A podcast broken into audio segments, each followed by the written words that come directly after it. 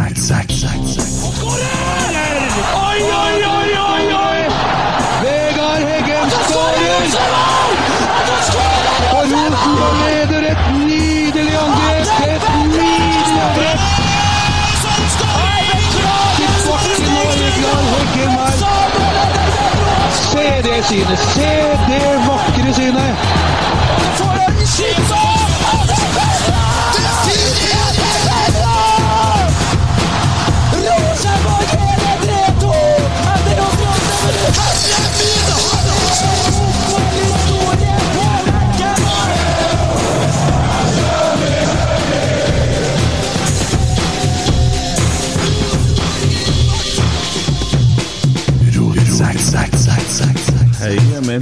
Hei, Kent. Ser ikke på han, han sitter på telefonen. Orsker Men hei! Er der? Hæ? Hei? Hei?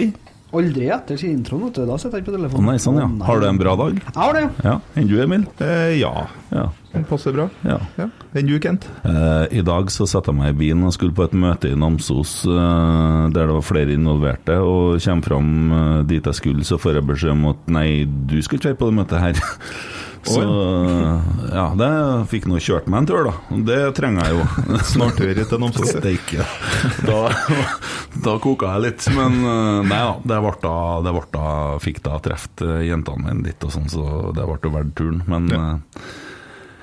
det var litt langt. Men jeg fikk hørt podkasten med Tove Mo Dyrhaug, da. Den, Heia, heia fotball. Heia fotball, ja. Ja, den var fin, den. Mm. Så det var god underholdning på turen ned. Mm. Klok dame, Ja. syns jeg. Eh, ja. Ellers så ser jeg jo at uh, Rasmus og Saga her på uh, Skarpe Nei, hva heter det? Kvesse. Ja. Og kjører med to podder i uka. Det hyller jeg absolutt. Eh, og de lager mer content, til og med kopper. Uh, snart lager de sikkert skjorta skjorter òg. Kanskje med Ivar på. Kanskje med var på. Eh, nei, det syns jeg er veldig stas, og vinneren er jo Rosenborg. Mer content, mer action, mer rundt klubben. Uh, kjempebra.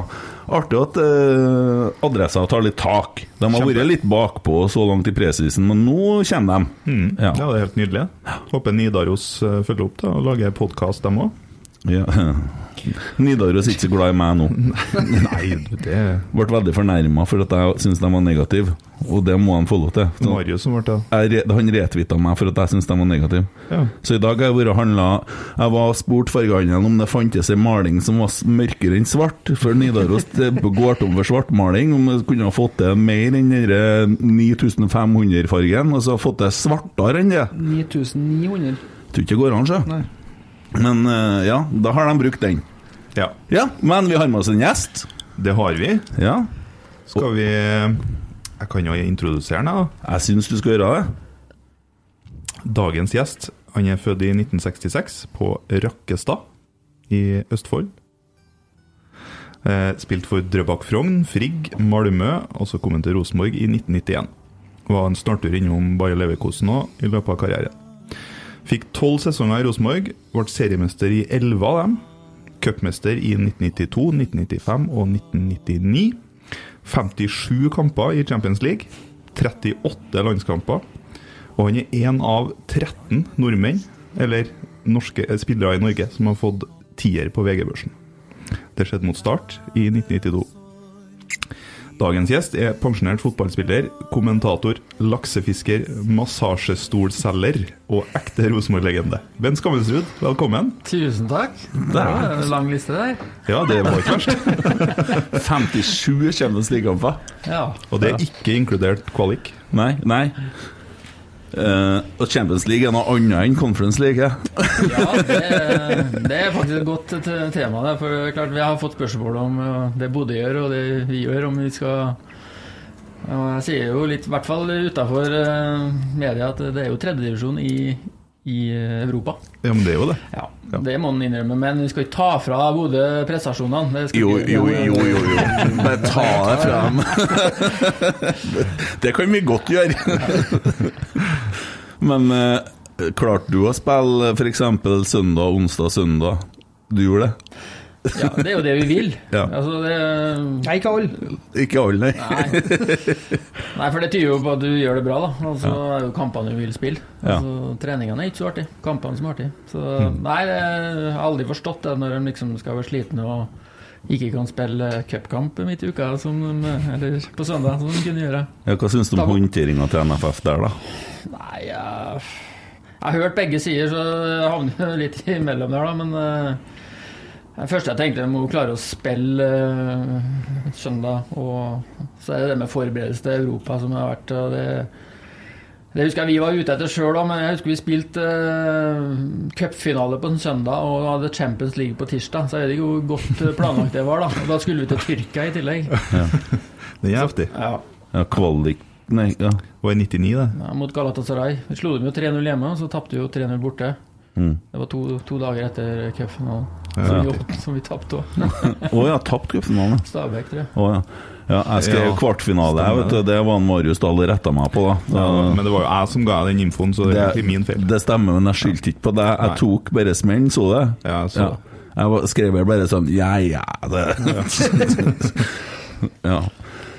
Nei, men det er jo stas. Du har jo gjort en annen veldig bra ting, og du har vært på storskjerm i bryllupet mitt. Det er du ikke klar over, sikkert. Uh, Nei med, med klær oppi her? Nei, ja, det var Ja, ja, ja.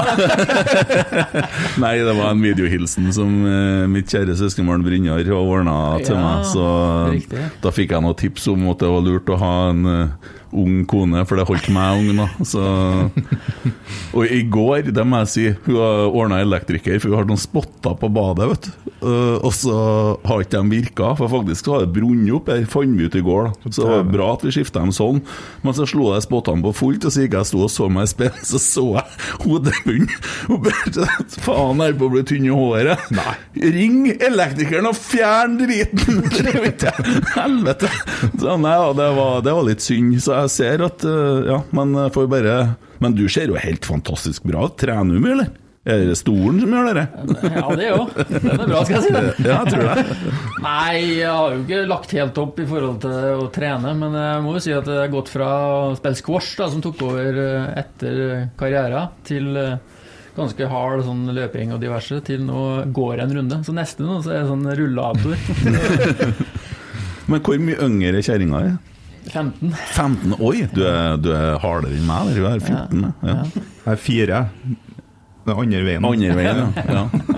I forhold til forsikringsbransjen så er det rettere, da. Ja, ja, selvfølgelig. Ja, For de har sånn snitt sju år lengre levetid. Så Bent sier skal nå være ei stund Nei, hold deg hold deg i gang, du. Ja, derfor jeg må trene. Så er det 15 år, ja. Du blir ikke stressa? Nei, det er, det alder jo bare et tall. Ja. Men påstår at jeg er ganske mye yngre oppi mellom øra, så det går bra, det. ja. Ja, når jeg tenker Når jeg blir sånn 60, så er hun liksom uh, Ja. så kanskje jeg blir litt sånn ukult. Så det bare oppfør seg. Og Det som en bensin, sier, er aldri bare et tall. Ja Det, det er òg fakta. ja. Det kan en velge å se på som en vil, tenker jeg. Ja. Ja ja, ja. nei det var nå det. Eh, men så kult, da. Eh, Du skal være med litt i den Adressa-produksjonen òg? Skal det. Ja. Har eh, sagt ja til det, så vi får prøve. Det er jo litt sånn prøveprosjekt det der òg. ja. Vi hyller det i hvert fall, for vi syns jo det er bra med mye content, og at det skjer mye rundt Rosenborg, og at man skaper engasjement. Og ja, hva syns du om Rosenborg for tida?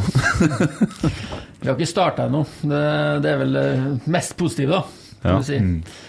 Så er det jo det vi har sett. Det, jo, det har jo vært en gjenganger nå. og Alle har vel innrømt det at det, det er jo flere spørsmålstegn enn svar. Og det har jo Prestasjonene har vært eh, ja, langt under eh, båten, egentlig. Men eh, vi starter med en kamp der Rosenborg igjen null og, og forventninger, da, som kan være en veldig god greie akkurat nå, da, sånn som jeg ser det. Jeg var på en sånn frokostseminar og hørte på en Roar Strand som hadde litt sånn før kampen og mener det ligger i- mellom øra der, da. Så vi får håpe at en god opplevelse kan gjøre at den det ketsjup-effekten kan komme, da. Men eh, ja, det er, det er mye å ta tak i. Det er det. Har det vært så tøffe oppkjøringer før? Nei, ikke så gærent, tror jeg, som det er, men eh, det har vel svingt litt, da. Så er jeg litt opptatt av hvis en skal begynne å analysere Vi skal analysere litt nå, kan vi ikke det? Jo, jo. Ja, vi snakker jo liksom om når du sliter å skåre mål, og når du slipper inn mye. Jeg, snur jo bevisbyrden ofte. da, at uh, Sliter man offensivt, så er det ofte de bakerste som starter uh, angrepene, og som gjør det kanskje litt da for seint. At de gode angrepsspillerne klarer å få gjort den jobben sin. Og Slipper man inn i mye mål og blir overrent, så er det ofte de foran som ikke har gjort den første jobben. Så jeg snur liksom bevisbyrden i retten, så er det sånn at de skal bevise et eller annet. Og for meg så er det litt sånn, jeg ser jo ofte på eh, Går det for sakte bakfra, så det blir jo egentlig de frontspillerne som blir lidende for, eh, for det, og, og motsatt, da. Hvis man eh, blir pressa tilbake, så er det ofte dem som foran som gjør en litt for dårlig førstejobb. Mm. Tanker rundt det at vi går litt bort ifra den klassiske rollen som egentlig du har hatt, da, og at vi skal mønstre 3-4-3, og det ser jo litt annerledes ut på midten her. Nå har det jo ikke sett ut på midten innimellom, i hvert fall ikke i kamp. Det ser bra ut på trening, men ja. Ja, nei, jeg har jo bestandig selvfølgelig likt eh, å ha tre sentrale. Eh, Jeg har jo ikke spilt noe annet, da, så må jeg klar over det. Og det, hvis jeg skal være ekspert på 3-4-3, så eh, må jeg jo innrømme sjøl at jeg har liksom ikke sett det fungert, og til nå på en måte er litt eh, imot det. Men eh, vi må jo prøve det, og Kjetil har veldig tro på det. Og ikke minst håper jeg at spillerne har tro på det, det er jo det viktigste av alt her, da. Mm. Og så handler jo fotball om eh, litt enklere ting òg, for samme hvordan du spiller, så mener jeg det er det er å skape to mot én over hele banen. Så på en måte er utgangspunktet i alle fotball Og man tar valg ut fra hvordan man, man spiller òg. Så det å skylde på at vi, vi må bruke et halvår på å lære oss noe nytt, det liksom det Jeg vet ikke om jeg helt skal bli med på den, for det, det har med fotballklokskap å gjøre. Og det har, har med det å hele tida søke det å eh, lage trøbbel for eh, motstanderen. Og det gjør du ofte med å prøve å skape to mot én, for det er umulig å spille mot. Og det starter ofte da bakfra at du må utfordre første leddet, og da får du som regel en å spille til, og du er forbi et ledd, da. Men hva er det som gjør at de ikke får det til? Da? Altså, er, er, det, er de redde? Er de redde for å gjøre feil? Er det høye skuldre? Er det fordi at det er så mange unge spillere at de velger ofte det enkle, safe bakover i stedet for å satse fremover? Ja, det er jo Når man ikke lykkes altså, Jeg får kjeft for at jeg sier at fotball er ferskvare, men det, det er faktisk det. For det, selv vi som var med og vant ti år på rad, vi kunne oppleve perioder der vi lurte på hva vi holdt på med. Så liksom det er sånn å oppleve det positive, at ting går av seg sjøl. Og så det med godfot er jeg veldig opptatt av, at vi må spille folk i rette porsjoner som de er best mulig. Og sånn som sist kamp, da, bare for å ta det, så tenker jeg at da jeg fikk se Vekka som spiss, så tenker jeg mm, det er greit han skårer mye mål, men hvordan skårer han målene sine? Det er ikke som ren spiss. Det er fra kant å gå inn og ha, liksom, få brukt det han er eh, bra til. da. Så det er jo sett eh, hver spiller i posisjoner som de behersker best mulig flest ganger. Det er jo liksom den som sitter til meg, da. Jeg husker jeg, husker jeg snakka med faktisk en onkel som vi har snakka en del om i trusa oppe i Klokkesvingen. Uh, og jeg vet når det var, for det var i 1998. Og eh, juni så husker jeg spurte hva er det som feiler Rosenborg? For da har det vært så mye dårlig på den vårparten der. Og det så, ja, det så ikke bra ut i det hele tatt, men da var det sånn Nei, Rosenborg er et høstlag. Det, det var ikke, ingen som var bekymra, for man visste at det kom, liksom. Eh, Det har jo endra seg veldig, da. For nå er vi jo i Vi har ikke spilt en kamp ennå, og folk spør Kjetil på det seminaret eller det treffet som han var på nå, om har du tenkt å trekke deg fra Rosenborg. Og han sier noe sånn Det her er jo bare blitt gjenfortalt. Nei, skal vi se, hvor er vi igjen på tabben? Da skal vi se R, det sant? Det er jo ikke delt ut et eneste poeng. Og jeg husker jo 2002-sesongen, og det var noe på 90-tallet der òg en gang, hvor Bodø var ganske Det var faktisk Bodø. 2002 var det Lyn, kanskje? 2004, var ikke det? 2002 var det Lyn, ja. Ja, Var Lyn, Den ja, siste, 2002, den siste sesongen. Så Da lå Ja. vi jeg tror åtte eller ti poeng bak. Ja. Ja. Ti poeng. ja. Mm. Så møtte vi Lyn, og så vant vi litt heldig til slutt. Og så gikk det to uker, så var vi foran. Jeg leste faktisk en sak om det lynlaget i VG VG+. Jeg lurer på om det var en Svea eller om det var en Juva som hadde skrevet den saken om at alt var egentlig lagt til rette for at de kom til å vinne det året. Og så helt uforklarlig så skifta de trener midt i sesongen. til en gærning. Var det han Teitur Tordalsson? Nei, nei, nei, det var han en eh, Jeg vet ikke, han er fra et østblokkland. Jeg er litt litt ja. usikker på hvor han er fra. Men det var liksom han eh, Stula Fladmark, tror jeg, som hadde ansvaret. Og det gikk egentlig ganske bra. Og alt gikk på skinner. Og så tok de inn en ny, for at han, de syntes han Stula var litt kjedelig. Ja. Han Atle Brunestad. Kjedelig å vinne gull. Det var tydeligvis det. Og da, da rakna det. Vi skal, ikke, vi skal ikke snakke så høyt om akkurat det eh, å skifte trener i gullsesong. Nei, det kan du si. Men eh, nei, poenget mitt var litt eh, Du var jo der da, i det tida nå. Hvordan var det? Var det da høye skuldre og sånn? Det var i hvert fall ikke unge spillere og mye nye og sånn, for man har jo Nei, men det er klart øh, Det som var litt tøft øh, når du hadde vunnet i så mange år på rad og vært i Champions League, var jo at lista lå i januar ganske høyt for at vi skulle glede dere. Mm. og Derfor så var det viktig at vi tok øh, hver trening, og det var Nils som var helt spesielt god da, vet du, og klarte å dempe presset. For vi visste jo da at vi måtte vinne serien, som var egentlig viktigst av alt. For det, det var grunnen til at vi kunne kvalifisere oss til Champions League. Og så var Champions League nummer to, og så var cupen, norske cupen nummer tre. da. Og vi visste at vi måtte øh, vinne serien og, helst øh, gå videre i Champions League for at liksom vi skulle få klapp på skuldra i desember. Så lista lå ganske høyt. Og det tenkte jeg på når øh, Rosenborg slo Ajax i det var Europaligaen, og hvor, hvor glad folk var. For da sto jeg og var jeg kommentator og tenkte det må være behagelig for dem. Tenk om vi hadde kommet til Europaligaen i vår tid. Det hadde jo vært skjellsord. Så det var men utrolig mye artig, av det, og utrolig fin gjeng. Og ja, det med Nils Arne er jo en egen liten historie, da, med hvordan han hver eneste dag på en måte holdt oss på tå hev, da.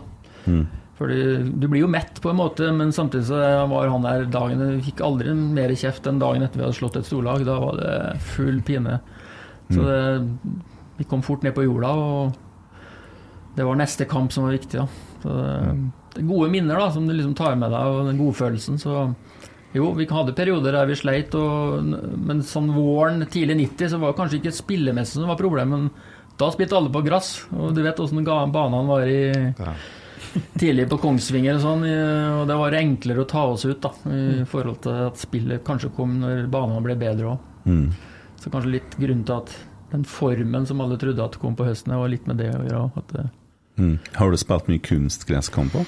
Nei, ikke så mye. Vi hadde jo på slutten, da. Eh, Og det er jo en litt annen type fotball på en måte. Så jeg er jo glad jeg eh, på en måte ikke hadde mer kunstgress enn gress. Nei. Da hadde du kanskje brukt rullator allerede. Ja, det, jo, men det er faktisk litt poeng, for det merka jeg jo når vi skifta Vi trena jo i Abrahallen ganske lenge, og sånn, og de ukene vi hadde her, at kroppen ble mye stivere. Jeg var jo en liten tass på 13 år når han kom igjen, ser ut som han er 70 år. Så det er klart det gjør noe med kroppen. Ja, men det er sant, det. Og det var jo ikke akkurat bra, det kunstgresset oppe i Abrahallen på den tida. Sånn sand sandkunstgress. Nesten like bra som den utover Ørvik. Ja, så jeg skal ikke si noe galt om Rørvik i seg sjøl, men Nei, Den kunstgressbanen de hadde før i tida, i hvert fall, den var Ja. Det var som å spille på sånn Det var sånn eh, biljardfilt. Ja, Ja. med sand. Ja. ja. Mm. Hva du tenker Emil? Skal Nei. vi se litt på spørsmålene som har kommet inn? Er en del, det òg. ja, det kan vi godt gjøre. Mm. Det har jo kommet litt spørsmål til deg, Bent. Har ikke, vi har ikke sendt dem til deg på forhånd, altså, så reale er vi. Men, eh, Ja, men eh, starter jeg bare øverst her. Vi hopper over han der som vi har fått nok av. Og så spør han Jonas hva gjør deg mest våryr, Strandberg eller naboen? Han ser jo ned på meg. Even ser jo ned på meg hver dag. vet du. Det er- Passer på, vil jeg ja, si. Ja, det vil jeg òg. Ja. Jeg er skal ikke bli sentimental, men han eh, hadde jo en mor som jeg var veldig godt kjent med, og hun var fryktelig stolt av sine to sønner. Så det, det ble ofte nevnt, eh, Emil, at eh, hun var meget stolt av dere. Hun var stolt av naboen òg, skal jeg si. Ja, det, ja. ja, det er bra. Ja, har, du, har du alltid bodd der når du spilte på Rosenborg? Nei, jeg kom hit etter eh, Tyskland, 98. Ja, Mm. akkurat. Og Harriet passa på huset, så jeg fikk ofte sånne tekstmeldinger at nå står døra oppe og diverse. Ja, Morsan jo avslørte jo innbrudd til meg hjem til deg Ja, på 90-tallet, eller hva var Og når jeg for å besø- besøkte Brynjar, som bodde litt lenger ned, så satt jeg og Livsfarlig rundt svingen. Satt og kikka opp mot huset. Så nei, ja, fin plass. Veldig fin plass uh, dere bor på. Ja, vi har det fint nedi der. I skråninga på Målvik der. Jeg kaller det for uh, Trøndelags Monaco, jeg. Ja, ja. Sjølyst. Det- Også kjent som ei skråning. Men Jonas, Jonas han nevner jo Strandberg her, og han er jo linka til Rosenborg i dag. Er det en person som faktisk kan utgjøre en forskjell? Ja, nå ser det ut som eh, mange kan gjøre en forskjell, da. Så det kan være den rutinen eh, som kan hjelpe til å få ting i gang. Jeg er mest opptatt av å utvikle dem vi har, da, og liksom hele tida søke etter at vi har nye navn og nye spillere. Det, jeg syns utgangspunktet er litt dårlig tegn, for at den eh, Jo, men vi får en skade på Sam Rogers, og så viser det seg Vagic han har nå gjort noen sånn blundere nå i treningskampene. i hvert fall. Han har hjulpet til at vi har fått et par mål imot, da, syns jeg det ser ut som. ja. Og så er det jo han kompisen din som var her i fjor. Han eh, Åge. Eh, han eh, han eh, renska jo stallen for spillere, og det forsvant jo mange nå, så det er jo, det er jo bare André Hansen og Erlend Reitan. Erlendal Reitan som er igjen. Det er en voldsom utskifting. Men kommer en Strandberg, så kommer det jo rutine, og det kommer noen med litt ja, Brystkassa kommer lenge før han over. Dovre var en som sa til meg. Ja, og der er du inne på noe veldig viktig. da For Ja. Jeg tror nok kanskje stallen i seg sjøl på en måte de Husk på det at de her har ikke vært med på å vinne så mye. Og det er noe med det å bli vant til å vinne og ta tak, og spesielt når det butter. da Og jeg tror han er en sånn type som kan sette i gang en del prosesser inni laget som kan gjøre at eh, man får fram uh, brystkassa på flere òg. Mm. Så det For når vi, når vi kjøpte spillere, så var jo ofte eh, like viktig hvordan typer de var, da. Utafor banen, faktisk. Jeg husker jo at Frode Johnsen er faktisk Gåstein kjøpt alle spillerne. Eh, du si det? Ja, eller kan du si det nå? nå? vi ble jo tatt inn på råd i forhold til Vi trengte en ny spiss. Jeg vet ikke om det var Rushfeldt eller hvem som skulle ferde. Og da var jo jeg og Erik og Roar inne, og da ble, nevnte vi han. Eh, veldig fin gutt, samtidig som Erik syntes han var vanskelig å spille mot. Og Ja. han passa godt inn i, til oss. Og så Ja, da går vi for han, sa Nils. Og så gikk det et kvarter, så var det kjøpt. Og han skjønte ikke så mye av det sjøl når han fikk spørsmålet, gjorde han det? Han Frode Johnsen. Han, ikke, han hadde ikke forventa det at Rosenborg skulle kjøpe seg. Nei, det tror ikke jeg. Nei. Men han var jo veldig rolig og passa veldig godt inn i en jovial gjeng, syns jeg. Den, mm. Ja, for han gikk jo, spilte jo førstedivisjon, han var politi nede i Vatna. ja, Odd, da. Ja. Men de var vel i førstediv den gangen, tror kanskje. tror jeg. Eller- Det, det jeg husker best med han akkurat nå, det at den koker det vannet inni Ja. mikroen Jeg skal, jeg skal akkurat si det. Det beste var det hjemme hos intervjuet, der han kjører tekoppen uh, I mikroen! Skulle ha te. Med posen oppi, Ja, rett i posen oppi rett inn i mikroen. Da tenkte jeg ok, det er nesten like bra som denne kokinga til en Adegbenro. Ja, det, ja det, men det er langt ifra Haaland til Ja, det er sant, det. Men hva, hva tenkte du når Karev kom, da, Bent? Ja, For det første så var jo han en spiller som vi aldri hadde hatt før. eh, på en måte, For han kunne jo gjøre ting sjøl. Vi var jo veldig avhengig av hverandre. Og for å være helt ærlig så var vi jo ikke noen toppspillere, noen av oss. Men sammen var vi jo gjorde vi jo underverket, på en måte, i forhold til hvert fall hvordan vi var enkeltvis. Mens Karev kom jo med en, en ting at han, eh, han kunne jo gjøre ting på egen hånd. Problemet var jo at han, Nils hadde jo brukt ti år på å forklare hvor viktig laget var, og at vi skulle behandles likt og sånn, og så kom han inn som en litt større stjerne. Så til og med Nils Arne sleit litt i den perioden. Og jeg og Karev var jo ofte i totta på hverandre på, på trening. Fordi, eh, fordi spilte vi fire mot fire, så skåra jo han måla sine, han, men det laget tapte bestandig. Ja, ikke sant. Og da, da ble det jo litt sånn eh, Men Karev det er jo en kjempegutt og sånn, men det var ganske sterk justis innad i gruppa her, da. Så Fikk en Skammelsrud-blikket, da, kanskje? Ja, du har hørt om det? Få høre hva er det for noe? Nei, du kan jo forklare det. Ja, nei, det var Kan jo gjenfortelle det en Bent har sagt eh, i Hvit tornado, faktisk. da Eh, At eh, hvis Bent var litt sånn stille sjef i Rosenborg, vet du. Mm. Så hvis, hvis han så noe han ikke likte, eller hvis noen ikke gjorde som de fikk beskjed om, så fikk de Skammelsrud-blikket. Ja. Svartevann. Ja, jeg tror det var det. sånn, ja. For å se på godt trøndersk. Ja. sier mer enn 1000 ord. Ja. Men jeg, jeg har hørt at Jon Carew var litt sånn på et sånt nivå at han ikke engang kunne klokka. At en Harald måtte kjøre og hente den når det var trening, og at det var Ja. Jo, ja, det var litt sånn øh, Vi skulle jo til Malmö en gang, og han hadde han jo forsovet seg. Og da husker jeg Nils kom bort og spilte hos spurte oss som spilte kort, da, om vi jo, vi skal vel vente. Litt sånn uh, Forventa jeg at vi gjør det. Så svarte hele gjengen at nei, vi drar. Ja. Og da husker jeg det var et storoppgjør, for da syntes vi var noen øh, idioter. Så han prøvde godt, og jeg tror han for på en måte akkurat tima rett, men øh, aldri ta fra prestasjonen til Karev, for det laget han var en del av, det var kanskje det beste vi har hatt. Mm. Ja. Så det, han var en del av det, for å si det sånn. Det har skjedd noe klipp fra den eh, Champions League-høsten her. Og han var han, han må jo ha vært en av Europas beste spisser på det tidspunktet, han Bare, bare se hva han leverte videre etterpå. Ja, ja, ja. Altså, det han leverte i Valencia, det han leverte i Roma. Det, Det var jo ikke mange månedene fra han gikk fra Rosenborg til han skåra i Champions League-finalen mot Nei. Bayern München. Mm. Så det Han tok nivået, han. Ja. Mm. Og så skuespiller i heimebane og Ja, nå skal han jo være Benny. ja. Ja, ja Olsenbanden, ja, Ja. stemmer det. Ja, men Det ble jo artig, da. Men eh, jeg er nå så glad i originalfilmene der, jeg vet du, det gamle. Ja, Den skal faen meg være bra, ja, for det den blir godkjent. Eh, Men du kom til Rosenborg i 1992-1, ja, fra, fra Malmö. ja. Og da var du jo med ut i Europa og øvde litt òg, da. Jeg husker noen av de kampene òg. Det er helt riktig, det. Vi gikk på noen uh, smeller og uh, jobba godt for å Spesielt borte, da. Ja. Hjemme følte jeg vi liksom hadde trua hele tida. Problemet var at vi spilte jo nesten enda mer Rosenborg borte. borte. Og vi blei rett og slett overkjørt. Så det, men det var ikke mange Det var få justeringer, da. Det var jo en liten sånn krangel med Mini spesielt, da, som likte å være på den ene sida av midtstreken. For det å få samla midt, midtbanen og ikke være i undertall hele tida. Så når vi fikk til det, så begynte resultatene å komme, da. Selv om vi var vel stort sett best hjemme hele veien, for å si det rett ut. Ja, men der er jo liksom forskjellen på utebane, eller bortebane og hjemmebane. At det skal være så stor forskjell. Det var, jeg husker jeg var i, i Russland var når det tapte 5-0 eller noe sånt. og det var, sånn, det var litt sånn halvekkelt. Og, Spartak Moskva.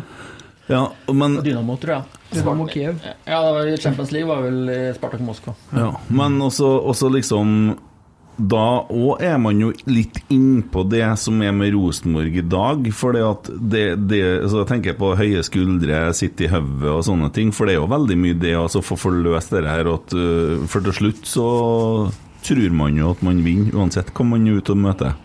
Og det er jo noe som ble på en måte regelen her. Ja, det, det er å bryte barrierer som vi ja, gjorde første gang vi kvalifiserte oss, og så slo vi Milan, og så etter hvert så jeg husker jeg vi satt når vi møtte Real Madrid, at liksom tanken var at jeg skulle jo selvfølgelig vinne. Jeg tenker i ettertid hvor uh, hjernevaska vi var. Men det var liksom den gjengs. Og så er det motsatt, da. Sånn som det er kanskje litt nå. At du sjøl gjør deg nesten dårligere enn du er. Altså du, du blir som en skilpadde som gjemmer seg i skallet sitt. Mm. For- hvis vi tar én og én spiller på Rosenborg nå, så tror jeg vi kan matche samtlige klubber i Norge på sånn individuelt på kvalitet på spilleren. Og så er det noe som skjer med det laget, da. Men så skjer jeg Har jo sett alle treningskampene, har jo sett noen sånne små glimt til at det her Altså, Man leker seg litt, og det, man senker skuldrene, og så ser, ser det veldig bra ut. Men det varer stort sett et kvarter, og så er det tilbake til mølja, da. Så gjør det jo noe med deg når Husk på de som sier at du ikke leser tabellen og leser børser og sånn, det er bare tull, for alle gjør det. Det er klart det blir sjølforsterkende hele tida når bl.a. blant annet vi sitter kanskje og snakker litt sånn at alt er dårlig, da. Eller jeg vet jo at ikke dere gjør det. Vi, gjør prøver vi er for positive! Ja. Ja, Jo da, men liksom det, de, de vil jo merke at folk er litt usikre, og så sprer det seg. Det er mennesker der òg, så det å få litt eh, positiv eh, Men det må de jo klare sjøl, da. Det er jo ikke, ingen andre som kan spille for dem, så de er nødt til å komme gjennom den der. Og så tror jeg at plussene blir større når de har vært langt ned, da. Du får er minuset stort, så blir også plusset veldig stort når du plutselig føler at du lykkes. da. Og det må vi håpe på, selv om eh, det er dessverre litt flere spørsmål enn jeg skulle ønske før eh, serien begynner. da. Men er vi da litt tilbake til det med å få inn en spiller som en Stefan Strandberg, som er den altså den hærføreren som går foran, og som òg virker å tro at er en positiv person i miljøet? Absolutt. Han kan jo være den som drar i gang og skaper den entusiasmen. og så, så, hver enkelt spiller får ut eh, potensialet sitt. For det, det er ikke noe tvil om at de underpresterer i forhold til det de burde ha gjort, for å si det sånn. da. Altså, stallen er bedre enn det som blir vist nå. og eh, Det ligger der, men det må, må komme ut. Og det, det kommer ikke seg sjøl. Du har jo sikkert vært og spilt på Lerkendal og at det ikke har vært stappfullt noen ganger. Hvor, Ja, ja. hvor stor er forskjellen på en glissen stadion og en full stadion i forhold til den følelsen du har når du spiller den kampen? Vet du hva, Når du gjør det dårlig og det pip, så ønska du egentlig at det var enda færre. Men det er klart, når det er 20 000 og du skårer i Champions League, så er det klart da skulle du ønske det var 40 til. Så eh, det, blir liksom forsterkende. Klart, det å bli pipet ut i, i pauser eh, det bør være folk være klar over at det Du skal få lov til å ytre, som de sier, men det, det, det, er sånn, det er en fæl ting som spiller å kjenne den når du skal gå inn og ta en pause, og så får du med deg pipekonsert i tillegg. Det, det gjør deg liten, for å si det sånn. Det har skjedd noen ganger de siste årene. Men jeg tenker òg på betydninga av eh, publikum og at folk går på kamp mot Odd. Altså Vi snakker veldig mye om denne Bodø-Glimt-kampen, og som om at alt står og faller på den. Og det gjør det ikke, for vi skal spille 30 kamper. Og når du spilte, så bruker vi ja, fire første kampene tapte man jo ofte. Det er sånn jeg kan huske, i hvert fall. Kanskje etter de ti òg, men det har, har ofte hatt en dårlig start. Uten at det har avgjort eh, serien. Men, eh, men den tiende, når Odd kommer på besøk, hvor viktig er det at det er mye folk? Liksom Ja, det gjør noe med deg når du går ut på banen. og Du tar jo inn liksom litt i oppvarminga og, kjenner litt på stemninga, og kjernen setter i gang. Så gjør det noe med deg. Du blir tolvte mann, du på en måte, men da må du utnytte det. For at, det- ikke sant, når, du, når bortelaget kommer og får den der, så må la, hjemmelaget nyte godt av det og, og presse over motstanderen. Altså være litt sånn eh, ulv, rett og slett, og ikke slippe dem ut og få publikum enda mer med seg. Og ikke da legge seg på egen 30 og la liksom motstanderen komme inn og så daue litt publikum ut. Altså Du må utnytte den der psykologiske hjemmebanefordelen fra start av. Om du ikke får spillet til å gli, det er nesten bare å, å spille ballen langt. Altså, så vinne dueller og få publikum med deg. Skape den første sjansen. Og, og spill videre på det at eh, publikum eh, begynner, da. Så må du som spiller òg ta den skikkelige hånda og, og utnytte. For det bruset som kommer eh, på Lerkendal når det er Jeg husker nå når eh, Noah Holm eh, raserte Odd i fjor, når han dribla og herja der. Når du liksom Du hører liksom det suset som kommer gjennom hele stedet og blir med han imot det målet. Det, jeg kan godt se for meg at det er et visst overtak. Det er vondt å være Odd da, når det, det, det bruset kommer. Ja, for det gjør noe med motstanderen. Og det visste vi bestandig når vi møtte de store i Europa. Selv om de heter Real Madrid, så var de litt usikre, de òg. Når du møter et eh, Du vet ikke hva de kommer til. Og det begynte vi å føle òg. Dæven, eh, de skal ikke få lov til å komme ut. Så det er å liksom utnytte den hjemmebanen med, med publikum, med det trøkket. og når, eh, når dere på tribunen ser det òg, så vil dere jo kanskje yte enda mer òg. Så det, liksom, det må bare spille på den, eh, de folka som er her, og den stemninga som starter. Men det var min lille bønn til folk om å kjøpe billett, eh, eller det her nye 365 sesongkortet som du kan abonnere på. eh, Fordi at vi trenger at folk går på kamp. Vi trenger mest mulig folk i ryggen, uansett. Fotball er uansett best på stadion. Ja. Ja, Det er det. i hvert fall hvis du ser på rettighetshaver nå for det, Ja. for dem har nå Hvem, ja, hvem, er det for noe? Nei, hvem det var en? Rajuno, tror jeg. Nei, nei, Discovery har jo De har jo lagt ned nesten alt som heter i forhold til Eliteserien. Og TV 2 er jo mer offensiv. Ja. Så Det kommer en podkast nå, altså, med Asbjørn Myhre og um, Løkberg. Å ja. De skal lage en eliteseriepodkast sammen. Så det er jo litt kult. Det er jo i hvert fall én ting. Ja. Mm. Løkberg er bra på eliteserie, og Han er, så er han en ja. fin fyr, og han Ja. er god til å prate. Ja, Mm. absolutt. Ja, nei, det er litt skuffende det som skjer der. Men eh, det at folk eh, går på kamp, det vil vi. Og det er jo kanskje litt det vi holder på med her òg. At vi prøver å eh, altså, bidra til å skape engasjement og få folk på stadion. Og er man jo bekymra for økonomien i Rosenborg og det sportslige, så er det én ting man kan hjelpe til med, og det er å kjøpe seg en billett og gå på kamp. Det er et felles ansvar, føler jeg. Altså, Publikum skal komme, men det er også opp til spillerne å vise at de setter pris på dem som er her. Og Ja. det gjør du mest med å legge ned det arbeidet som for eh, Jeg mener trønderpublikummet er ganske jeg skal ikke si enkle, men de er enkle å please òg, for de krever to ting. Før så var det jo at det skulle spilles 4-3-3, men det var det at alle gjorde sin det beste hele tida. Så aksepterte at motstanderne var bedre, og at du tapte noen kamper. Det aksepterer trønderen. De aksepterer ikke hvis de ser at folk ikke prøver, og ikke gjør sitt beste. Og det gjør du Hvis du setter en standard fra starten, så vil det smitte gjennom både publikum og resten av spillerne. Så jeg mener at alltid du skal gå ut høyt bestandig, altså nesten samme hvem du møter. og Glem litt egentlig hvordan du spiller, men vinn alle dueller du får bort i de første minuttene. Og så vil du få det psykologiske overtaket og få publikum med deg. Og Det har jo mangla litt i vinter, syns jeg. For det ser jo ikke ut som at de er så tent, egentlig, i treningskampene. Jeg synes så, ja, men sånn dueller og liksom det å Det å ta i litt, da. Gå inn i ei takling, trykke til litt. Ta det løpet. Jeg syns det har mangla litt, jeg, altså. Ja, Den eneste slåsskampen som har vært, har jo vært Ole Sæter mot fire Rosenborg-spillere. Altså. Ole Sæter i bursdag. Ja, gratulerer med dagen. gratulerer med dagen. Ja, ja, ja. Nei, men jeg, jeg savner litt det, jeg òg. Og, og litt sånn, hvis en skal si det, den Mike Jensen-typen. Ja. Han som eh, sklitt tofotstakla både på trening og på, i kamp. Og som pælma ballen i bakken. Når, ja, Så landslaget i går. Han Ja, som skulle ta Haaland, han gikk ut på båret sjøl! utvist på båret, den er ny. Men Jo, men du, du, vi, vi savner kanskje den, den kalde drittsekken, da. Som går framom og, og, og er litt uh, tøff og krever. For den gjorde Mike er, Jensen. er ikke det fordi at ja, Mike Jensen, skjerp deg. Mike Jensen er jo ikke her lenger. Nei, han er ikke her nå lenger, men Nei. den typen spiller. Ja, Kanskje- Erlendal Reitan, Ja, han har det. da må han vise det. Skarsheim har det. Da må han vise det. jeg er litt enig med deg, Tommy. De kan, de, det ligger latent i dem, men de må vise det. Du skjønner det? Du skjønner at problemet er at det Du er trenger ikke å begynne å ta, sånne nedlatende sånn, Du skjønner det lille vent-greier til meg.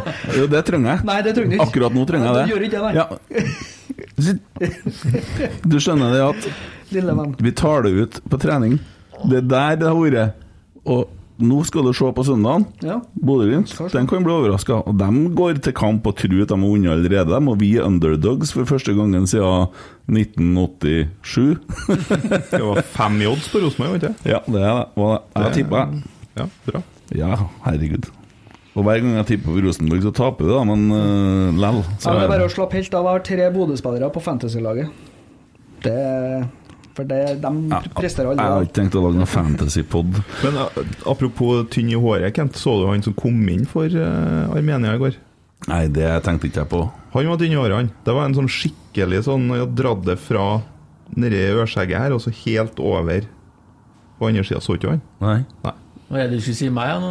Nei, nei, nei. Det ville jeg aldri sagt. Gjer- Gjermund Aasen. Jeg laga jo en liten vits på det, jeg, da. Men, Ja, ja, ja. Akkurat. Uh, ja, hva, jeg, var, jeg hadde noe på tunga i sted, men Tommy rota meg bort, for jeg banna den gutten, altså. Hæ?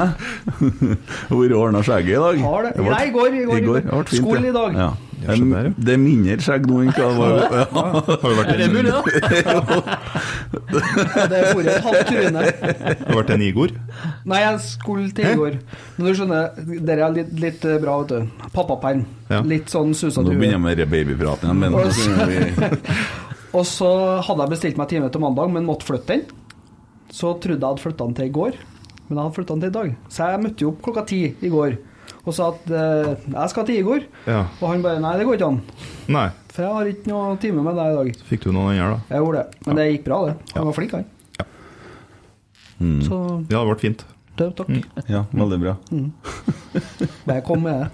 Nei, eh, Enn han svensken som er på tur, da vet vi noe om han? Uttal navnet. Kasaniklic. Takk. Hørtes ikke så veldig svensk ut, egentlig. Han er svensk-makedonsk. Ah, ja. Mm. Ja. 30-åring. Ving. Spilt eh, i Fulham, Hammarby, Nance. Nå er han i Haiduk Split. Vært. Var, var vel i Liverpool sitt Ah. akademi, tror jeg. Ja, U23. Han har spilt i København, han har vært i Watford Burn og Burnley.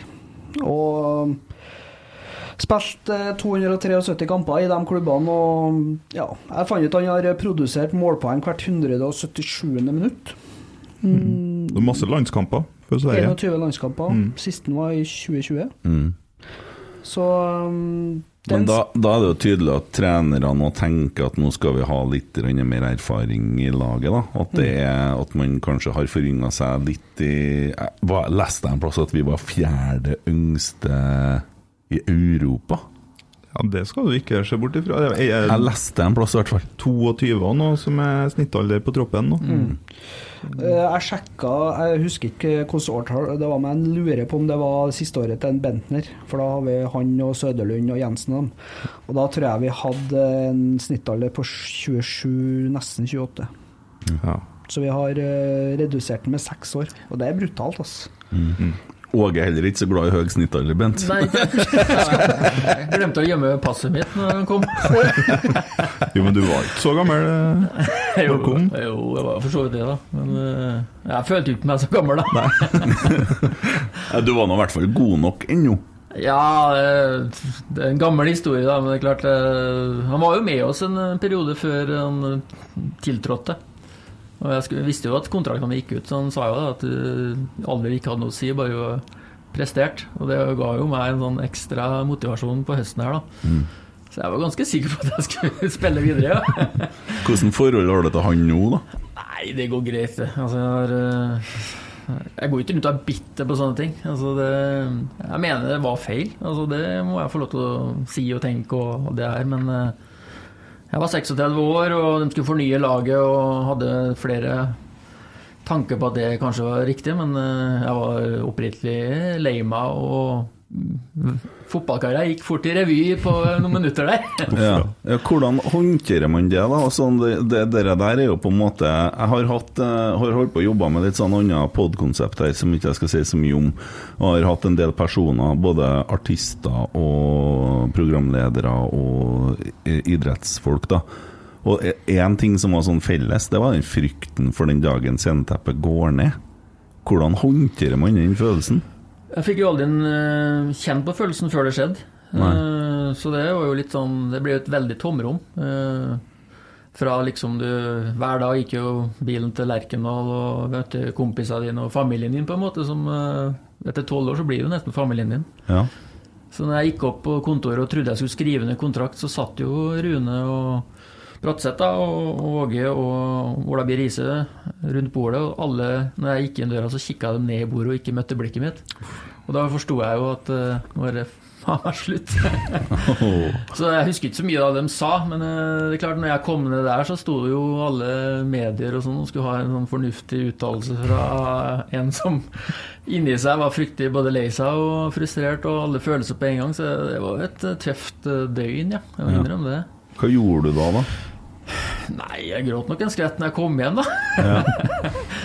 Etter å ha holdt maska og forklart hvor fornuftig det var å gjøre det de gjorde. Ja. Steik.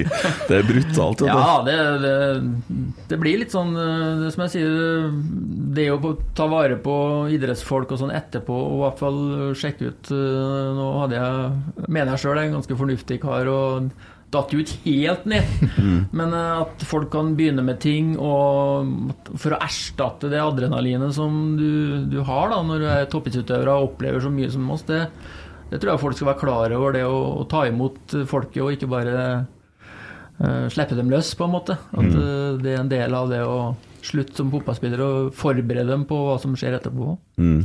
Som musiker, sikkert samme. Ja, og den frykten for at det skal klappe sammen, ikke sant, og, og at eh, når du på en måte har pika Jeg har jo noen kamerater oppe i Namsos som spiller i et band som eh, jeg husker jo etter Oslo Spektrum, hvor de datt sammen etter det òg, fordi at det kom aldri til å bli det samme igjen. Men det klarte de jo å gjenskape nå i helga.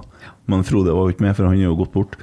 Men uh, nå har de spilt for 11 000, og da er det noe som Det blir liksom ikke noen nye sanger, ikke noen nye hiter. ja, og så Da blir bussturene lang, og ja, interessen falmer jo, ikke sant. Det, det er jo ferskvare, det der, på en måte, men de har jo på en måte navn å flytte på. Men det gjelder jo veldig mange, da. Som, eh, og ikke minst så har jeg en kamerat i Bergen som jeg har fått et veldig godt forhold til, som heter Klaus Lunde Kvam. Vi har litt eh, felles interesser i forhold til psykisk helse og, og manner og sånne ting, og har litt kontakt. og han, eh, han fikk seg nedtur etter han. Jo, kan men eh, si. du, du nevnte jo en massasjestol. Jeg liker jo ikke det navnet, for at i den stolen så er det også mental trening. Og det er jo Mm. det som gjør meg at jeg er veldig opptatt av akkurat de stolene. Mm. Fordi jeg mener mellom, livet, mellom øra våre ligger hele livet vårt.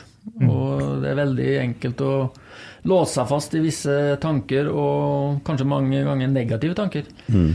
Og Noen ganger så trenger man en psykolog, og her finnes det litt sånn ufarlig i en stol, der du kan velge litt program fra Olympiatoppen her, da.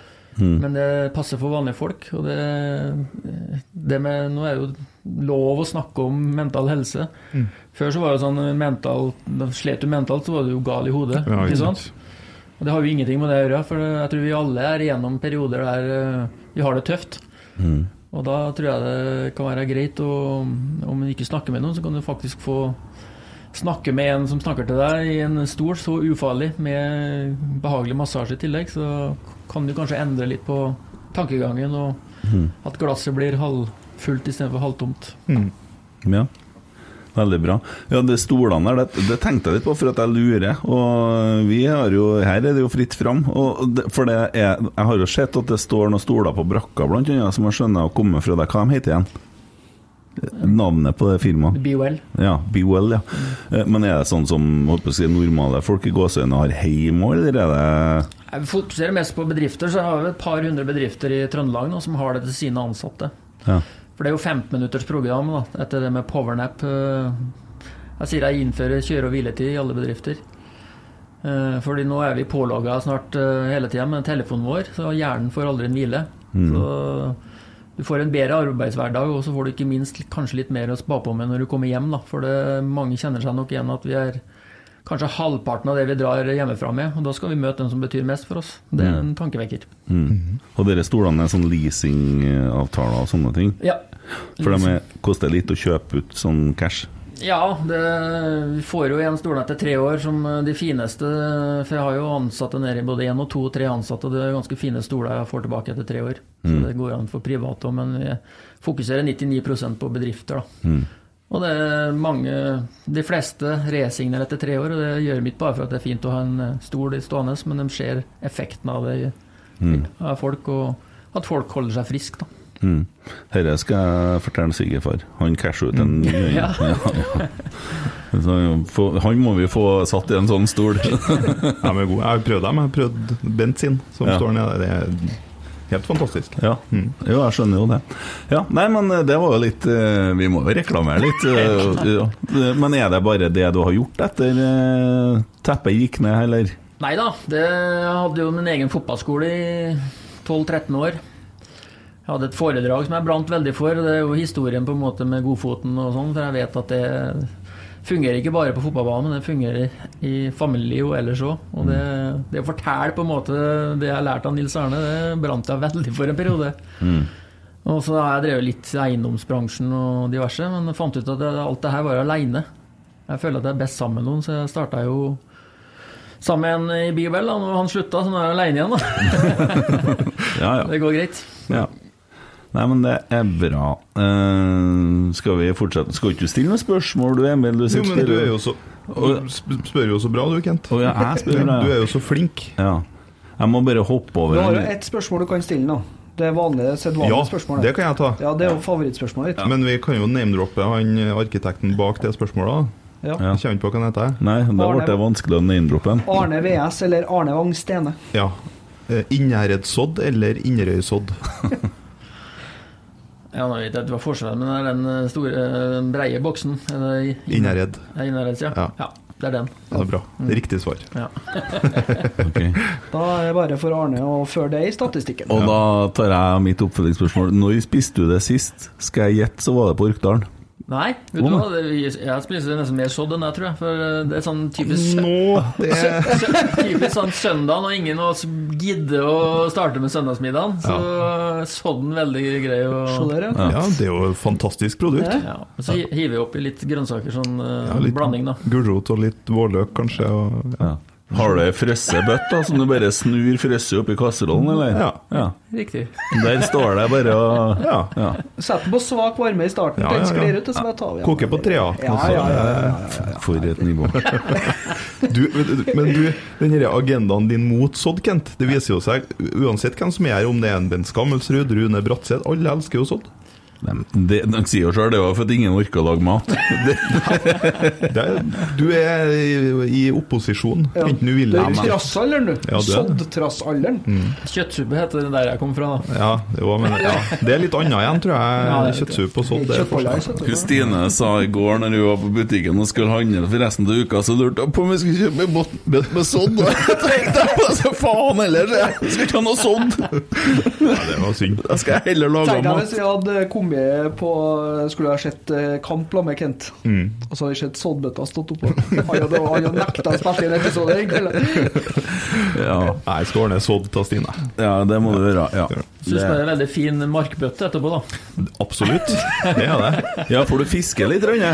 Ja, jeg gjør det. Laksfiske, eller? Ja, det har blitt det nå etter jeg kom til Trøndelag, da. Det var mer ørret og abbor sørafor, da, men eh, når laksen tok, så ble det bitt. Ja, hvor er du er og fisker hen, da? Jeg er mest i Jeg er i Nidelva da, noen døgn i året, og så er jeg oppe i Grong, da. Ja, Namsen? Nja, Sideelva. Å ja. Bjøra. Sandjøla. Ja, det. Ja, ja, ja. Han bor jo der, vet du. Han, er han, fra- han, jeg er har vokst opp nedi der, eh, steinene i elva her. Sikkert rodd fiskere òg. Ikke engang, og aldri fiska laks. Ikke det? Nei. Men jeg har uh, booka meg tid nå i sommer, da. Ja, det har du, ja. Jeg må jo prøve det, det er jo jævla Ja, dumt. det må du prøve. Da får du sikkert laks òg, vet du. Det er sånn typisk, det. 33 år og ikke fiska det. Ja, ja. laks i egen Nei. Akkurat. Nei, men eh, det, gjør er bra, da. det er fint oppi Grong. da. Ja, det er det. Jeg har ei datter der, vet du. Ja.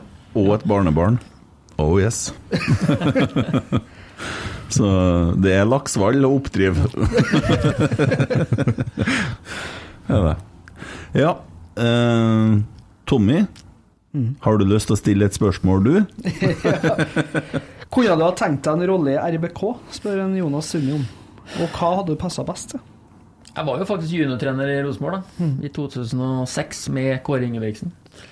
Så jeg har smakt litt på, for det er nok den normale en fotballspiller som har holdt på med det i 20 år, og tenker at nå skal jeg bli trener. Men så får du da små barn igjen, da. Og du merker veldig godt når du kommer litt ut av den der fotballbobla, at det fins et liv ved siden av. Og til flere helger du har den, til verre er det jo egentlig å gå tilbake til den bobla. For det, det er et spesielt liv. Det er et jeg vil ikke bytte bort det livet jeg har hatt i forhold til fotballen, men eh, jeg kjenner også at det er veldig godt å være utafor nå og bare ha helgefri og ta vare på småtroller og Være supporter? Ja, rett og slett. Ja, det er sikkert ikke så enkelt å være hodet til en Geir Frigård og Kjetil Rekdal på puta om kveldene for tida og skal prøve å løse det floken man har Eller hva jeg nå skal kalle det. Nei, altså er det jo litt med det at eh, når du har et forhåpentligvis et greit rykte, og så går det to, eh, et år med trener, så er du en idiotforklart for resten av livet. Jeg vet ikke om jeg orker å ta den sjansen. Nei, jeg må være grei med Åge Hareide nå. Han, han mente ikke vondt. Og han klarte han på en måte å komme til Trondheim Det her er en annen mann som har sagt jeg vet ikke om jeg kan name-droppe den, for jeg vet ikke om han vil at jeg sier det høyt, men kom, han kunne ha slutta som eh, på en måte kong, eh, kongen av Danmark, og så drar han som kong Midas i revers. Det er jo det som skjer her, og han gjør det to ganger i Trøndelag, egentlig. For han var ikke så populær i 2003, men han var i hvert fall ikke populær i fjor. Nei, det er klart han lykkes jo ikke, eh, spesielt i fjor. da. Eh, 2003 har han jo innrømt eh, at han kom til et ferdig lag. Ja. Eh, Jeg òg gleda meg jo faktisk til å få han som trener, i forhold til at jeg har hatt Nils i tolv år. Eh, Få en ny, eh, på en måte en ny sånn du måtte konkurrere på nytt, på en måte. For jeg følte meg jo ganske trygg på at jeg har spilt, og det er klart det er ikke sikkert det er sunt i så mange år heller. Så det At han kom, det gleda jeg meg til. Men gleden ble jo kortvarig, her, da. Ja, det var Ørjan Berg som tok plassen din, var ikke det? Jo, det, Ja. men han kunne jo spille overalt, han. Mm. Igjen da, så er det Bodø som kommer og ikke sant? Ja, du kan jo skrive opp på lista her. Ja, eh, men eh, hva var det jeg skulle si eh, Du snakka om Kåre i stad, ja. Eh, hvordan forhold har du til en Kåre i dag? Vi snakker ikke så mye sammen, men han er en sånn type som når vi treffes og ringes, så kan vi være tilbake der vi var når vi var spillere sammen. Mm. Så han er jo ikke den flinkeste til å ringe, og har vel egentlig gitt opp litt sjøl òg, til å ha den daglige eller ukentlige eller månedlige kontakten. Ja. Men sånn felles respekt. Jeg husker veldig godt han øh, var alltid på hjelpende hånd, og vi spiste vel middag hver lørdag før vi skulle spille på søndager. Mm. At vi var ganske nære når jeg kom til Trondheim. da. Og En av grunnene til at jeg kom, kom hit, for jeg har alltid vært sånn trygghetssøkende. Det å dra til Malmö var jo nesten veldig spesielt egentlig når jeg tenker på at jeg turte det. For det var liksom et stort valg den gangen å dra til Sverige. Men hvordan var, var Malmö en veldig stor klubb den gangen? Ja, de hadde jo vunnet i fem år på rad og var jo Ja. ute i Europa. Og svensk fotball den gangen var jo milevis eh, over eh, faktisk Norge den gangen. Mm. Det skjedde jo et skifte der når vi slo Göteborg. Før det så var det jo egentlig liksom svenskene så jo ned på norsk fotball. Ja. Så har det vel siden vært nesten Norge som har vært best når det gjelder klubbfotball. da. Utenom Eh, Malmö noen år, da. ja, de hadde vel to år på rad der i Champions League, men eh, Men Ja. noen sa til meg at Åge Hareide er en sånn trener som alltid har kommet litt til ferdige lag, og da har det gått bra. Eh, Malmö f.eks., når han kom dit, og en del andre. Danmark Ja, Ham Hammarby var han Nei, han var i Helsingborg, og da det laget utvikla han sjøl. Ja, og gjorde han det? Ja, det gjorde okay. han Da skar det seg litt, det jeg skulle fram til nå. Ja. Nei, men, men ellers, generelt. Det Ja. Helsingborg er på en måte Ja. en avstikker. ja, Ja. Rosenborg 2003 var jo ferdig. Ja, det, det, det, det husker jeg det ble sagt òg, at Rosenborg Og det var det han som sa. Rosenborg er så god at de har kunnet ha spilt en sesong uten trener Ja. I den tida der. Men det handler vel kanskje om dere, da, Bent? Om de lederfigurene som var i laget på den tida? Jo, vi var nok med på og gjorde den uh, tryggheten. For det er klart, Nils måtte jo ha sine uh, disipler utpå der og som snakka hans språk. Eh, I 2010, så når han liksom ikke hadde så mange av dem, også, så ble det jo litt annerledes for Nils å ta over den uh, rolla òg. Så kontinuitetsbærer, som jeg etter hvert skjønte at jeg var en del av, det, jeg skjønner jo at det er viktig å ha folk som kan hjelpe de nye inn i rolla og, og få fram godfoten, da, som vi hele tida jobber med. Ja. Mm. Skal vi eh, Ganske sånn direkte spørsmål fra landsfader Nansen. Hvilken plass på tabellen tipper han Rosenborg på i år? Ja, det er jo helt umulig, da. Eh, Jeg ser jo tipsa jeg går, og det, det er jo ingenting feil med de tipsa som, som sies akkurat nå. Det gnager meg å liksom begynne å tippe Rosenborg utafor uten Europa, i hvert fall. Så jeg håper vi blir overraska i løpet av sesongen. Om det blir en tøff start, som vi har snakka om at det kan bli, så håper jeg vi får se tilbake litt gamle Rosenborg og får en andreplass, da, for å liksom holde oss Jeg ser jo at Bodø-Glimt er topptippa, og de har eh, kommet langt. Jeg hører jo på intervjuene hvor langt de har kommet, og de snakker liksom Selv om de vinner, så snakker de om prestasjon, og da vet jeg at de har eh, er et stykke foran i, i tankegangen. Mm. Og så har de jo fått tjuvstarta litt med europakampene og liksom kommet i gang allerede. Så de er jo godt i gang de, når resten skal begynne å spille nå. Det bør ikke bety noe positivt, faktisk. For det er litt sånn at du forbereder og bruker all energi på Europa, og at det ligger liksom litt over Norge. Så skal du da møte Rosenborg, som er underdogs nå, og tror at det her går av seg sjøl, og så møter med en litt tøff motstand. Så jeg er litt enig i at det kan skje noe. Ja, hør der. Ja. Mm. Hør, du- hør. Hør, ja, hør. Ja. For uh, du, skal, du skal ikke slippe deg ned mange prosent før uh, motstanderen tar uh, lillefingeren og hånda. Nei. Så Men igjen, da, nå i dag har Adressa hatt ut, uh, hatt ut uh, sitt tabelltips, uh, og hyller jo det at de tipper Stabæk på 11.-plass. Det er meget godt tippa. Meget bra. Jeg visste ikke at Gaute Helstrup var trener der. Jeg var sikker på at han var i Tromsø. Men eh, skitt ja. shit laga. Artig, artig skrivefeil. Eh, men de tipper tabelltipset i dag, to dager før det her vinduet stenger. Hvor mye kan vinduet påvirke? Eh, altså Nå er det ett døgn da, igjen med kjøp og salg av spillere. Er det sånn at vi kan faktisk påvirke eh, tabellplasseringa til Rosenborg med å kjøpe de to spillerne? Ja, hvis de eh, lykkes så godt at eh, de sjøl er så gode at de hever laget, pluss at de klarer å heve resten. For det, to, to spillere er jo noen prosent, men det, er jo, det å få resten til å øke 10% da vet du hvor mange prosent til slutt det blir. Eh, Men de to kan være virkelig De er jo rutinerte, og hvis de er så gode som vi håper og får inn den trøkket og selvtilliten i laget, så kan det være ting som snur bare pga. det. det Man må jo si det at eh, etter at eh, Ståle Solbakken tok over landslaget og henta inn eh, Stefan Strømberg dæven, han har vært god. vært eh, veldig god. Han er jo god, altså, han er rutinert og har jo eh, verbalt, da. Altså, du kan si mye det, og det å kunne snakke til spillere altså, og dirigere andre, det har mye å si i et fotballag. At det er flere som tar den rolla der. Du skal alltid ha nesten en i hvert ledd som på en måte tar det ansvaret for å få med seg resten. Han er jo en sånn vinnerskalle som, eh, som- jubler hvis han klarer å blokkere til, til corner. Hvis også, det kommer et skudd. Og så er han veldig glad i Rosenborg. Ja. Han har vært her i fire år. Ja. ja, men de sier at han er Rosenborg-supporter, liksom. Ja, det, er- det er jo ikke så rart. Nei, det er jo ikke det. Det er jo besteklubben i Norge. Robin spør hva syns du om at Hareide bare kaster ut legender som deg og Tore Reginussen? Jeg kan jo følge opp det spørsmålet litt, da. Når han kom igjen i fjor og Tore måtte gå, hva tenkte du da? Here we go. Nei, jeg tenkte faktisk at det her var litt sånn samme. Ja. Jeg gjorde det. For at uh, den Toro var jo egentlig god nok. Eh, så tror jeg kanskje Åge liker å liksom sette litt sånn eh, Ikke skremsel, men liksom sette litt standarden fra start av. Og Ja, For det ser ut som at Tore gikk opp til det kontoret og, og, og trodde han skulle få fortsette. ja, eh, jeg sammenligner de casene ganske sånn Ja. ganske like, egentlig. Eh, For begge er på, vi må innrømme at begge var på den gærne sida av toppen, men allikevel såpass gode, tror jeg, at vi kunne begge to har gjort en god jobb i, i Rosenborg. Men ved å ta et sånt valg som man gjør, så vil man jo på en måte få resten av gruppa på litt tå hev, som man sikkert håper, da. At, ja, eh, Men det gikk ikke. Nei da. men, Vi eh, så, vi husker fortsatt Rosenborg Brann, eller Brann Rosenborg i fjor. Ja, vi kunne jo trengt en Tore Reginussen. Ja. Ja, Tore satt der og sa det. Hadde jeg spilt, så hadde vi hatt medalje. Og jeg tror på noe. Jeg tror det. Det er noen av baklengsmålene som han har kommet til å sørge for ikke kom, jo.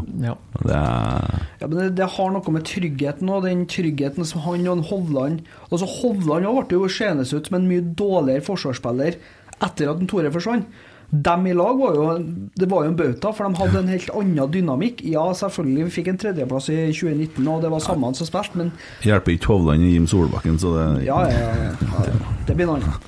Nei, så var det jo han som satte standarden. Altså, Vi snakker jo om den det en som vi henter nå, som er kanskje litt den samme typen. Som setter standarden og ikke aksepterer verken på trening eller i kamper at vi slipper oss ned på et visst nivå. Det er det mye viktig å ha. for eh, Toppnivå skal være høyt, men det er jo bunnivå som avgjør om du blir seriemester eller ikke. Ja. Hvis det blir for lavt, så blir du aldri en seriemester, for da kan du tape mot hvem som helst. Det er jo bare å dessverre da, se på Bodø-Glimt siste årene. Så De har ikke noen mange fryktelig dårlige kamper, dem altså. Men i fjor, på sommeren, så var Bodø-Glimt ganske dårlig. Og de var ikke så gode i fjor som de var året før. Nei, men De- så røsker de med seg noen poeng likevel, da. Ja, for i sommeren i fjor så trodde jeg vi kom til å vinne serien. For da så det veldig bra ut. Men så kom denne EM-greia, og så datt han sammen. Og så ble det hele Alt ble jo bare prega av det. Det er helt det- sånn merkelig. Det er bare å se på Rosenborg og Molde i fjor. Hadde de eh, fortsatt eh, i det sporet som de var i, og ikke mista poengene på høstsesongen på uforklarlig vis, begge lagene Det var i sommer. Det var i fjor-sommer. Rosenborg tapte jo hele Var det juni eller juli? Vi tapte alt. Jo, jo, men så, men så kom vi igjen på i den mellom før senhøsten, Ja. og så begynte vi å tape kamper igjen i oktober-november. Ja, for da er du inne på det som Bent snakker om med bunnivået, for det var jo ganske lavt, da. Ja. Ja, det virker liksom litt i den tanken at du, du kunne ta for hva som helst. Du var veldig spent hver gang du satte han ned, for du visste ikke helt uh, Det her kan gå hva som helst, nesten hver kamp. Men det som er så fint med fotball, da, for det, jeg vet jo før når Kåre kom, så var det jo liksom ned, nedtur, og så kommer Kåre og løfter det. Og når han hadde vært der i tre år, så husker jeg tenkte nå kan det gå tolv år til neste gang noen andre vinner. Ja. Og det er så kort vei. Og Når vi nå sitter her og kanskje og vi, vi fire er kanskje litt negative, folk i Trøndelag er negative, litt spent på hva som skjer. Så det er så små marginer før vi kan være der igjen, og det må folk huske på. Vi må ikke gi opp nå. Altså, for det første har vi ikke begynt ennå. Det er ikke et poeng som er delt ut. Og det, ting kan snu så fort at vi, vi er på en måte nødt til å være Se med positive øyne. Selv om jeg, ser, altså jeg finner jo mange argumenter på å være negativ, jeg òg nå. Men vi er, vi er nødt til å på en måte tenke at det her kan snu nesten over natta. Tenk deg hvis vi Dette drar liker jeg så godt. Unnskyld at jeg avbryter deg, men jeg må.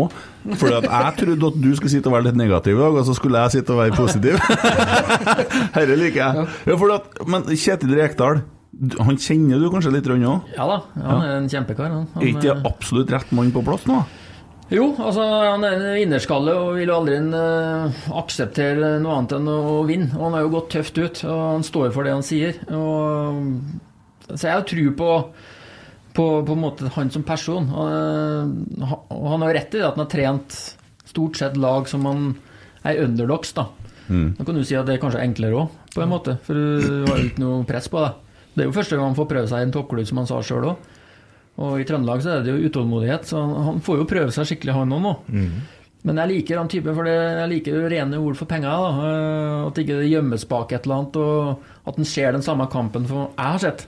Det syns jeg er viktig. At en ikke eh, sier at, sier at det er bedre enn det er verdt. For det er verste jeg vet, når, liksom, når vi har sittet og gremma oss, og så er det de som skal analysere og være riktig, har sett en helt annen kamp. Kjetil tror jeg er, eh, gir de rette beskjedene der. Men der var jo Nils Arne ganske god, for hvis man har vunnet skikkelig bra, og sånn, så var han litt sånn grinete etterpå og var opptatt av de feilene. Og når vi har tapt, så var han jo egentlig Da hadde han jo sett ganske mye bra. Ja. Det var psykologi, det òg. Det var Nei, det er ikke det, sjø. Altså, vi slo jo Vålerenga, husker jeg. Drillo var trener for eh, Og det var en jevn kamp. Det var sånn eh, 88 målsjanser.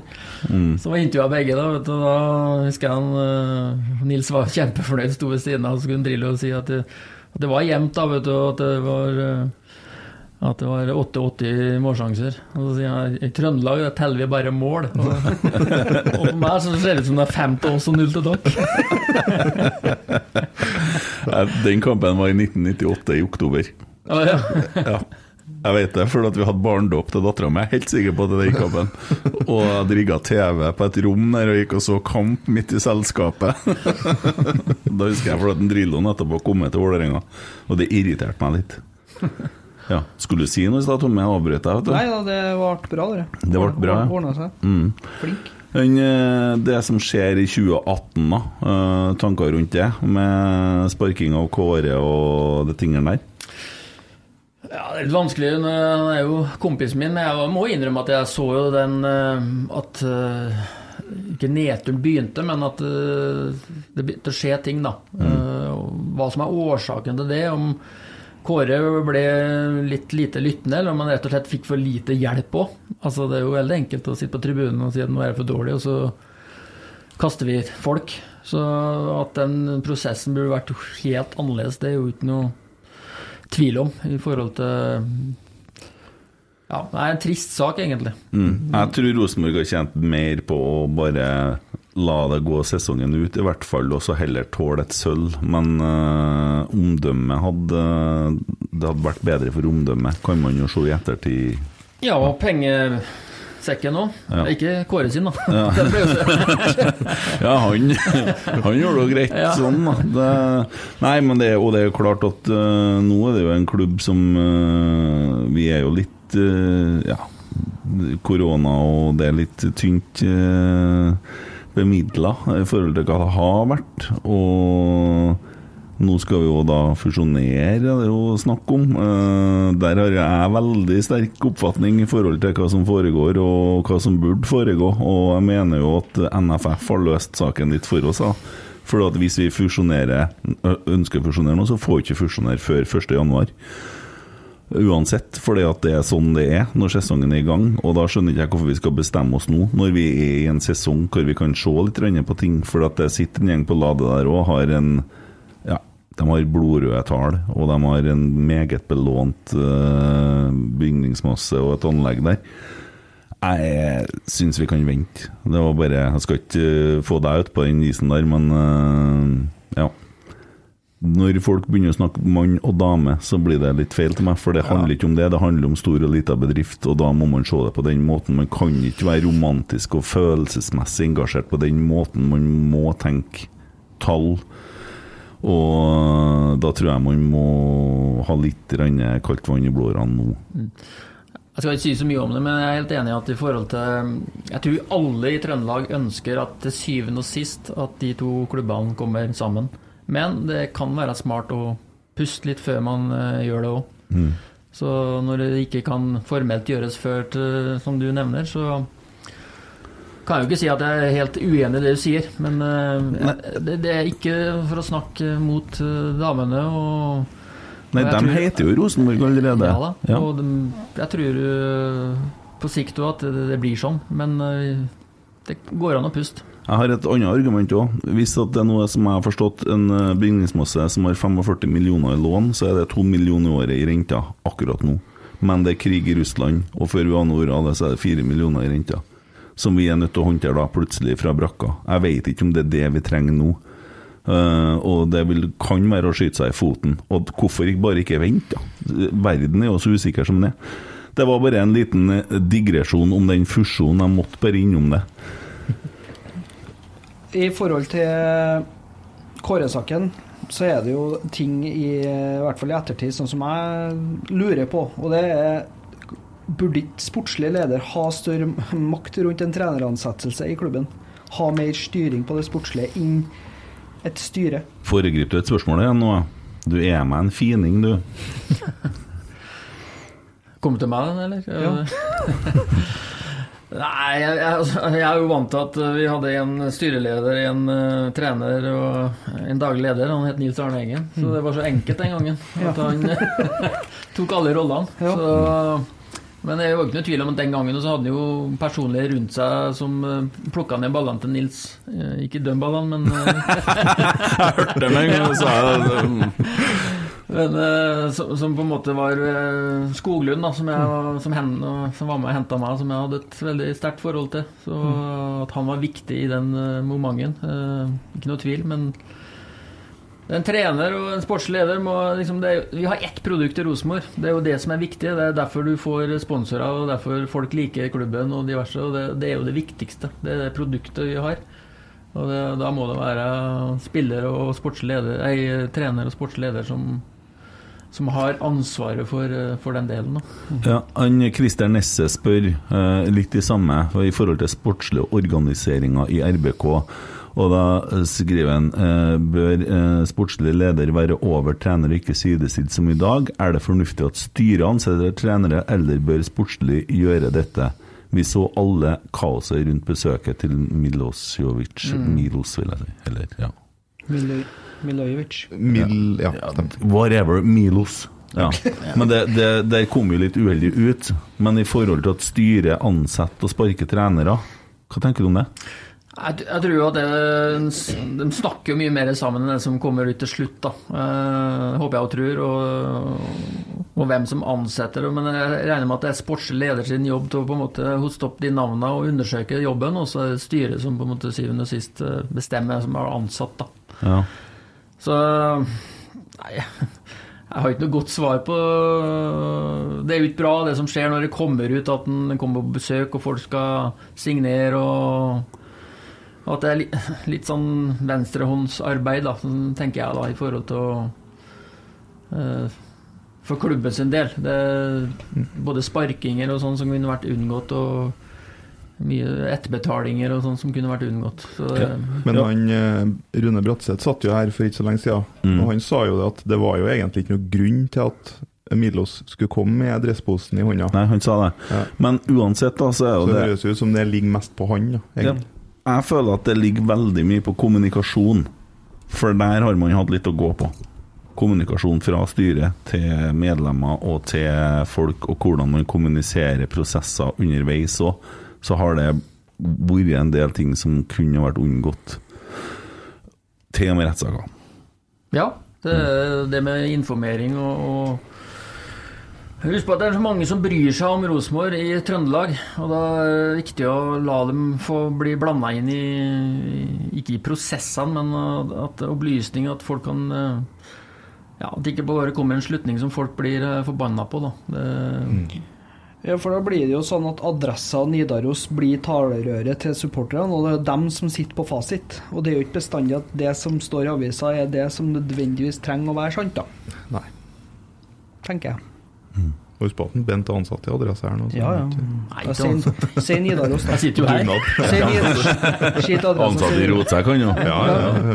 Rotsekkambassadør Bent Skammelsrud. Ja. Ut og få kjeft på Twitter han etterpå. Ja. eh, Arvid Vasskog, eh, social screen screen. Er Trond Solid en hyggelig fyr? Ja, det er det jo. Jeg skjønner ikke hvorfor han spør spørsmålet, men er det noe som har foregått som jeg ikke helt har catcha her nå? Nei, ikke den eh, Jeg har ikke noen opplevelse som ikke gjør at han er Dere har ikke slåss på Nei. Nei. Men hvordan var det når han kom inn, da? I 9, nei, 98? Jo, han har, øh, har den samme selvtilliten som øh, alle nordlendinger stort sett har. Så, men det jeg husker, var at vi møtte vel Brygge det året, tror jeg. I, jeg vet ikke om, det, om, om han var assistent, eller noe, men jeg husker at vi, vi vant jo 2-0 hjemme. Ja. Og vi lå under 4-2 borte. Eller jo, 4-2. Og han trodde at vi berga oss med 5-2. Oi! For det, bortemålet var dobbelt, men eh, det burde vi ikke som trener. Det husker jeg. Jeg han var helt rolig på kanten det det var ti minutter igjen, og vi ble pressa. Ja. Men det var ikke da du var i Leverkosen? nei, 98, det? Jo. Mai, nei, januar til mai, ja. Ja, der har du Der har du ei historie, vet du, når du skal nedover. Vi har jo hørt den i Rasmus og Saga, men eh, når du skal nedover Og det, det er jo to lag, egentlig, som er involvert der. Ja. For, for du er jo på tur til en annen klubb. Kølen, ja. Ja. Og det, er jo, det visste jo ikke jeg da, men det er jo naboklubber. Kølen var jo, skulle jo berge plassen og forsterke laget, trodde de da. og så kom jo Bayer Leverkosen inn i bildet, som var jo, kjempa jo om eh, tittelen. Så det ble jo storbråk, da, faktisk. Han ble jo, en Daum ble jo Kristoff Daum? ja. Ja, Kristoff Daum Han fikk jo, måtte jo verne familien sin, for han ble jo skikkelig Så Som trodde man kjøpte Messi. Jeg kunne bare forklare i et intervju at uh, slapp av, folkens, det her er en nordmann. Så det var eh, Så jeg valgte jo Bayer Leverkosen den gangen, da. Så, men det var jo han uh, Han ringte meg jo på flyplassen, han. vet- Jeg vet ikke om du har hørt den historien? Nei, han, jeg skulle jo til Kølen, og så var det jo han eh, som spytta, eller han oh, ja. Rodi Føller. Riktig. Ja. Han ringte meg på flyplassen, så jeg trodde det var en kompis som skulle tulle med meg. Så jeg skulle jo avsløre han i de første minuttene, to minuttene jeg snakka med han, så han trodde jo jeg var en idiot. Så Jo, men det er jo ikke, du går ikke og venter på telefonen fra Rudi Føller hver dag. Du Skjønner jo det. Så når jeg hilsa på han og møtte han etterpå, så kikka jeg ned, må jeg innrømme. Ja. Yes. Ja, så han ringte deg da på flyplassen? På vei til Kølen, ja. For Ja. Det sto i avisene der nede at eh, For de hadde vel prøvd tydeligvis da å få kjøpt meg, men hadde vel sagt at jeg ikke var til salgs. Mm. Så, så han var litt overraska at jeg da var på vei dit. Ja, Og da tok du U-sving på flyplassen, eller var du i Køln først og snakka med dem? Ja. ja. Det var jo kvarter mellom de plassene. Og så for du rett til konkurrenten? Ja, det, for så vidt. Ja. De konkurrerte i hver sin ende av, eller av eh, tabellen, men Altså, I norsk skala da, så blir det som om at han, eh, Stefan Strandberg kommer til Lerkendal i morgen, tar en U-sving, kjører ned til Molde og signerer, og vi Ja. sitter her og tror at jeg skjønner. For de følte sånn Jeg hadde jo ikke stor peiling på egentlig at det var Jeg kunne ikke tysk geografi så godt. At det var, jeg visste hvor de lå på tabellen, begge to, ja. Det er ca. 25 minutter mellom. Ja, stemmer det. Det er jo noen klubber i det området der òg. Ja. Mm. For når vi var i Köln i 2018, da fikk jeg sett tysk fotball live for første gang. Da så jeg Leverkusen i Champions League mot uh, CSK Moskva. Det var spesielt. Det var noe annet enn norsk Du må slutte, dere orker ikke å høre på. Men, jeg- men jeg fant et bilde her, Bent. Se her. Ja. Men hva er greia med For her er en Bent da i Leverkosen-drakt. Hva er greia med den, logo, den sponsoren der? Aspirin? ja, det er jo eh, Det står ikke noe mer der, da. Gjør det det? Det står bare aspirin. Ikke sånn hodepinetabletter? Jo, det er jo et sånt firma som eh, Men ikke Aspirin, og det store navnet heter jo noe annet. Men uten at jeg husker det nå. Okay. De er jo eh, Før det så spilte jeg med globoid på drakta. ja, ja. Det er fin drakt, da. Ja, Nå sitter han og kikker på et bilde. For dere som hører på, det er ikke så enkelt. Jeg skal bare lese en eh, tweet fra en Malcolm her under denne her i. Takk. Det var hele tweeten. Så han sier takk. Eh, KKAKK, hvor avhengig er Rosenborg av en ballsikker midtbanespiller? Har vi gull uten en sånn type på banen? Jeg har alltid pre- predika etter at jeg ga sjøl at vi må la folk eh, gjøre den eh, plassen til sin egen. Selnes er vel den som kanskje har bemerka seg etterpå. Og til lengre tida går når jeg ikke har hatt en sånn ballspiller, så er jeg jo litt enig at det kanskje er litt viktig å ha en som ser litt lenger og kan slå noen tredjemeterspasninger og åpne opp sånn sett. Men det mener jeg jo de som er her i dag skal klare òg, hvis de uh, får beskjed om det. Og, og, og folk starter, ikke minst. Mm. Han, Det har noe med det å gjøre òg. Børkeie kan jo bli en sånn en. Ja, jeg er jo ofte og ser på treninga, og Børkeie gjør det jo på trening. Og det gjør faktisk han uh, Rinso òg. Ja. Ja. Og han eh, Rogers har bra Sam. Rogers har- har det, eh, ikke akkurat nå, men ellers. Nei. Mm. Til vanlig. Men det er litt snodig, for du har liksom Sverre Brandhaug, Ben Skammelsrud, og så har du kommet på en Ole Selnes, og så hadde vi en alternativ type i Anton Annan, som var mer jordfreser, som lå litt mer defensivt. Da, da ligna vi nesten litt på 3-4-3, vet du. For han la seg jo så lavt at han lå nesten som et lite forsvar, han. Ja, men spilte ikke de 4-4-2 på den tida? Jo, kanskje det. Kanskje det, ja. Under Hamren, ja. Ja, kanskje det, ja. ja Jo, det har du et poeng. Ja. Hadde det vært eh, 4-3-3 og han hadde spilt der, så hadde det minnet mer om 3-4-3. Ja, det hadde det nok. Mm. Han er jo litt sånn makelele-type, han. Mm. Jeg var, da. Jeg vet ikke om han spiller ennå. Det gjør han sikkert ikke. Eh, nei, jeg snakka med en Harald Pedersen i, om for noen uker siden, for han hadde nettopp snakka med Anton Jannan. Oh, ja. Og hva det var han holdt på Jeg husker ikke hva det var, men det var noe familiegreier og noe sånt. Og han bodde vel i Tyskland, tror jeg. Og, ja. ja. Harald han snakker med mange av guttene hans. Ja, Han har mye historier. Det Vi har holdt på å trygle om at han skal være med, vet du. men Han er så kostbar. Han har egentlig sagt litt ja, har han. Men eh, ja, det hadde vært artig å ha fått noe av det. han har passa på hele gjengen, han. Skal ikke En Anton Janna har signert kontrakt med TPS. Ja. Hvor de holdt til hen om det? Finland? Finland. ja, nå? Ja. Han eh, Siste klubben før var Inter Turku. I fin Finland, ja. Ja. Yes. Ja, men han var, var ikke han aktuell for Rosenborg? Nei, for Jeg mener jeg hørte navnet hans for et par år siden. Ja, stemmer det. Stabæk. Stabæk, var det. Ja. Stemmer det? Mm, Han var i Stabæk i 2015. Ja, det var han òg. Du kan jo ta det fra en Robin. Ikke litt sånn eh, ditt spørsmål? Jo. Ja. Her er et bra spørsmål. Vet du.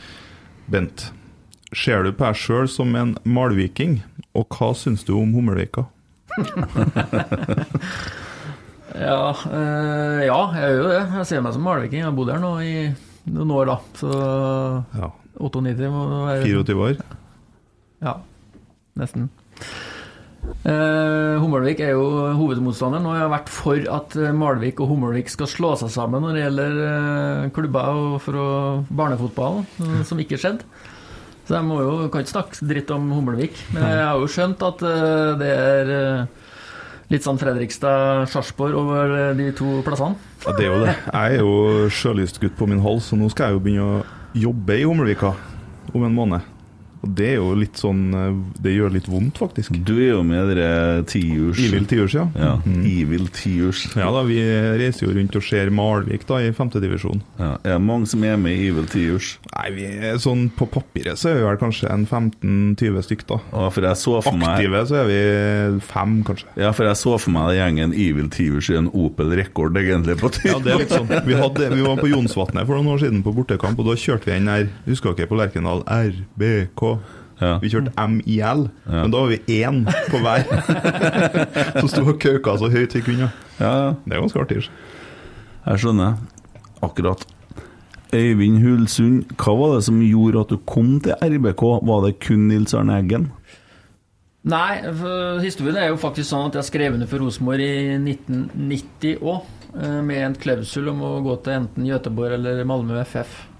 Oh, ja. Ja. Var det fordi de var interessert i deg, da, eller var det noe annet? Altså at akkurat de to klubbene var i den klausulen? Ja, det var selvfølgelig at de ja.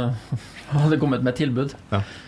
Og så valgte jeg jo Malmö den gangen til slutt, da. Og men når Nils kom tilbake eh, For det første så spilte vi jo 4-4-2 eh, den gangen, og det var engelsk trener. Og det var fryktelig mye lange baller over hodet på meg. Så jeg fikk aldri liksom Du snakka om godfot, som jeg ikke visste om da, men som uh, kan tenke etterpå at jeg fikk i hvert fall ikke brukt godfoten veldig der. Så det var veldig enkelt å si ja til Nils Arne og når han kom og hørte om jeg ville komme i, da i 91. da. Ja. Men du har jo noen U-landskamper, har ikke du det? Var du talent? Var, var du liksom ettertrakta når du var ungdom? Ja, ettertrakta vil jeg ikke kalle meg, men uh, jeg spilte jo landskap som førstedivisjonsspiller i Drøbak. Ja. Og det var faktisk Nils Arne som henta meg, for jeg spilte jo mot øh, Moss når de øh, vant øh, i Vi ble nummer to i serien når Moss rykka opp i 86. Og så 87 tok jo han serie, og det var kanskje da han første gang kanskje så meg som spiller, da. Ja. Så vet jeg det var sånn OL-landslag den gangen, og den første landskampen var vel under Nils Arne, faktisk. Ja, riktig. Ja, for han hadde landslaget i noen ganske mange år der, hadde ikke han? Var det i tospann med han eh, Fra Stavanger, ja. Ja. Husker ikke hva han heter, men Skau. ja. Kjell. Skau. Ja. Mm. Stemmer det. Nå er det Snapchat-content eh, på gang her. Ja, vi må legge ut litt. Rønne. Ja. Ja. Eh, ja, var det Nils Arne som uh, ringte deg da når du Når du kom til Rosenborg? Var det han du snakka med og gjorde avtalen med? Ja, de kom ned til Malmö, da. Og så husker jeg vi skulle feire etterpå. Det sier jo litt om drikkevanene mine, tror jeg, for at eh, vi skulle jo feire med en konjakk.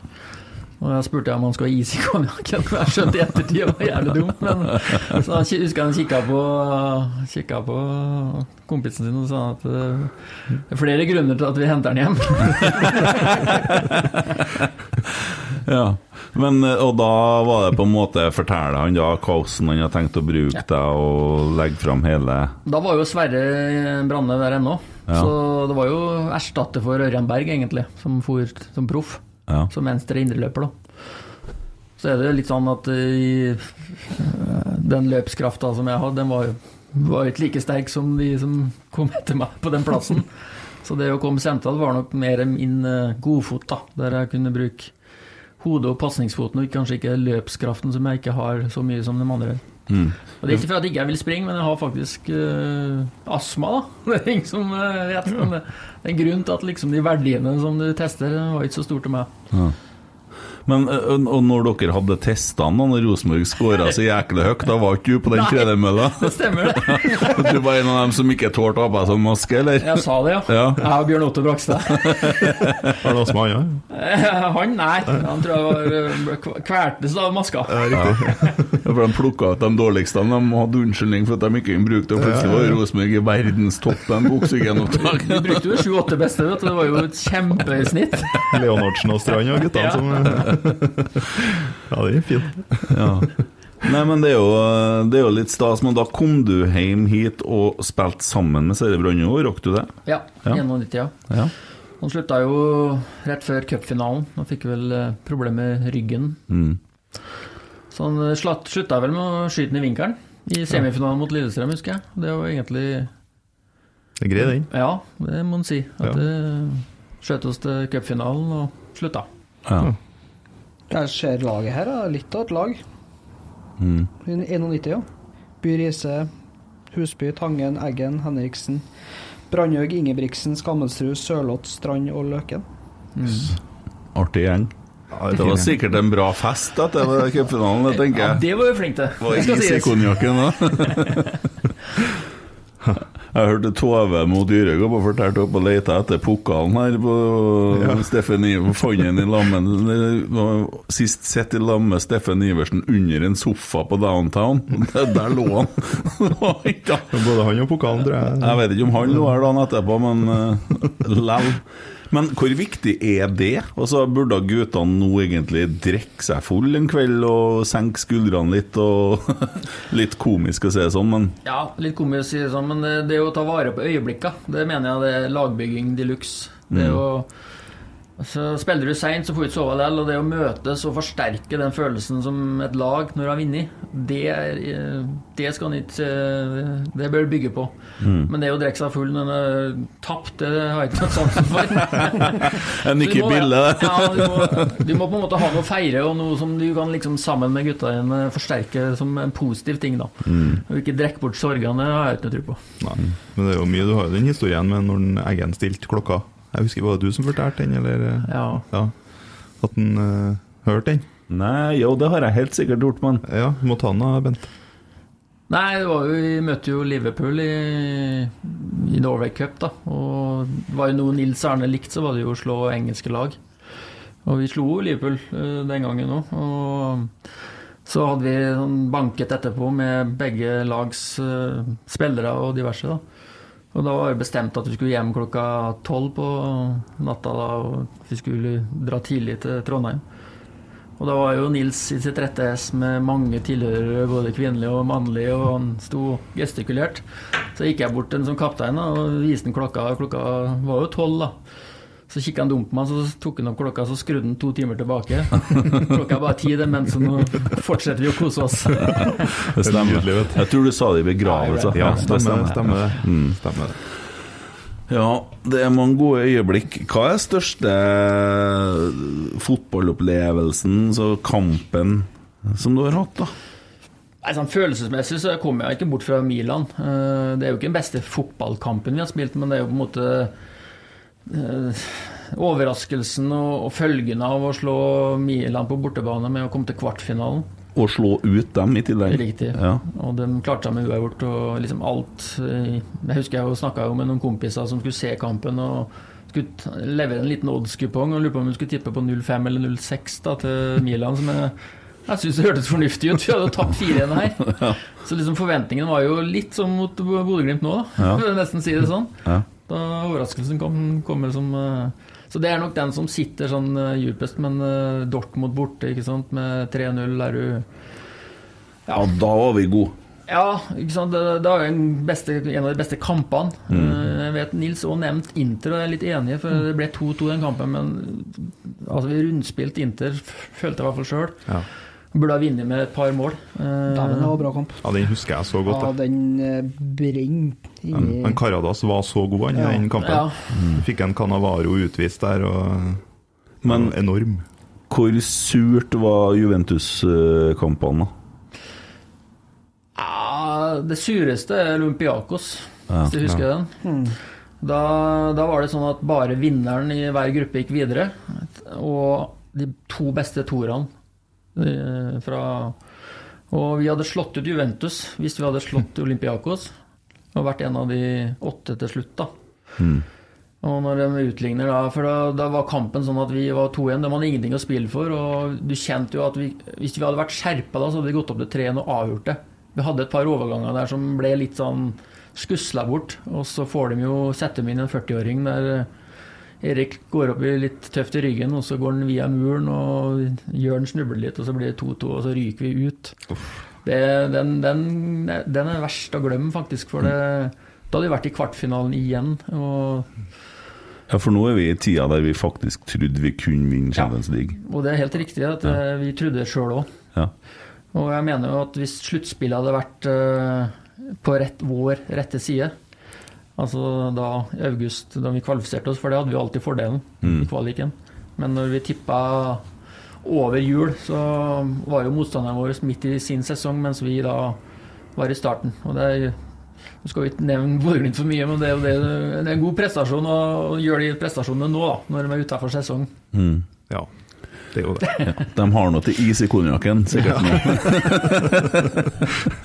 Han Øyvind Hulsund spør òg hva er den store forskjellen mellom 3-4-3 og 4-3-3? Det er et vanlig spørsmål for det, men Hvis du skal være helt ærlig, så føler jeg at jeg kan 4-3-3 fryktelig godt, og den sitter i ryggraden. Jeg er ikke Jeg tror ikke jeg kan sette meg ned og forklare hvordan det skal se ut før jeg ser det fungere. Så øh, jeg har ikke noe godt svar på det ennå. Jeg, Jeg- kan kanskje si det når jeg ser øh, når, når 3-4-3 vil fungere som sitt beste, at det kan være en god formasjon. Kanskje. Men uh, jeg må se det først, før jeg Roar hadde jo en veldig god overbevisning på meg, for han har jo, han har jo fått trua på dette her. Og altså, sånn som jeg forstår det, så egentlig trenger ikke forskjellen å være så stor. Og sånn som dere spilte på det beste òg, da. Så med, med såpass aktive backer, så spilte man jo nesten Ja, ja. to, fem, tre. Og Derfor er jeg er ikke så veldig opptatt av Selv om jeg har spilt 4-3-3 og 4-5-1 eller kall det hva du vil, altså jeg er ikke så veldig opptatt av de tallsammensetningene. For det handler om det jeg starta med poden med. Det handler om å skape to mot én.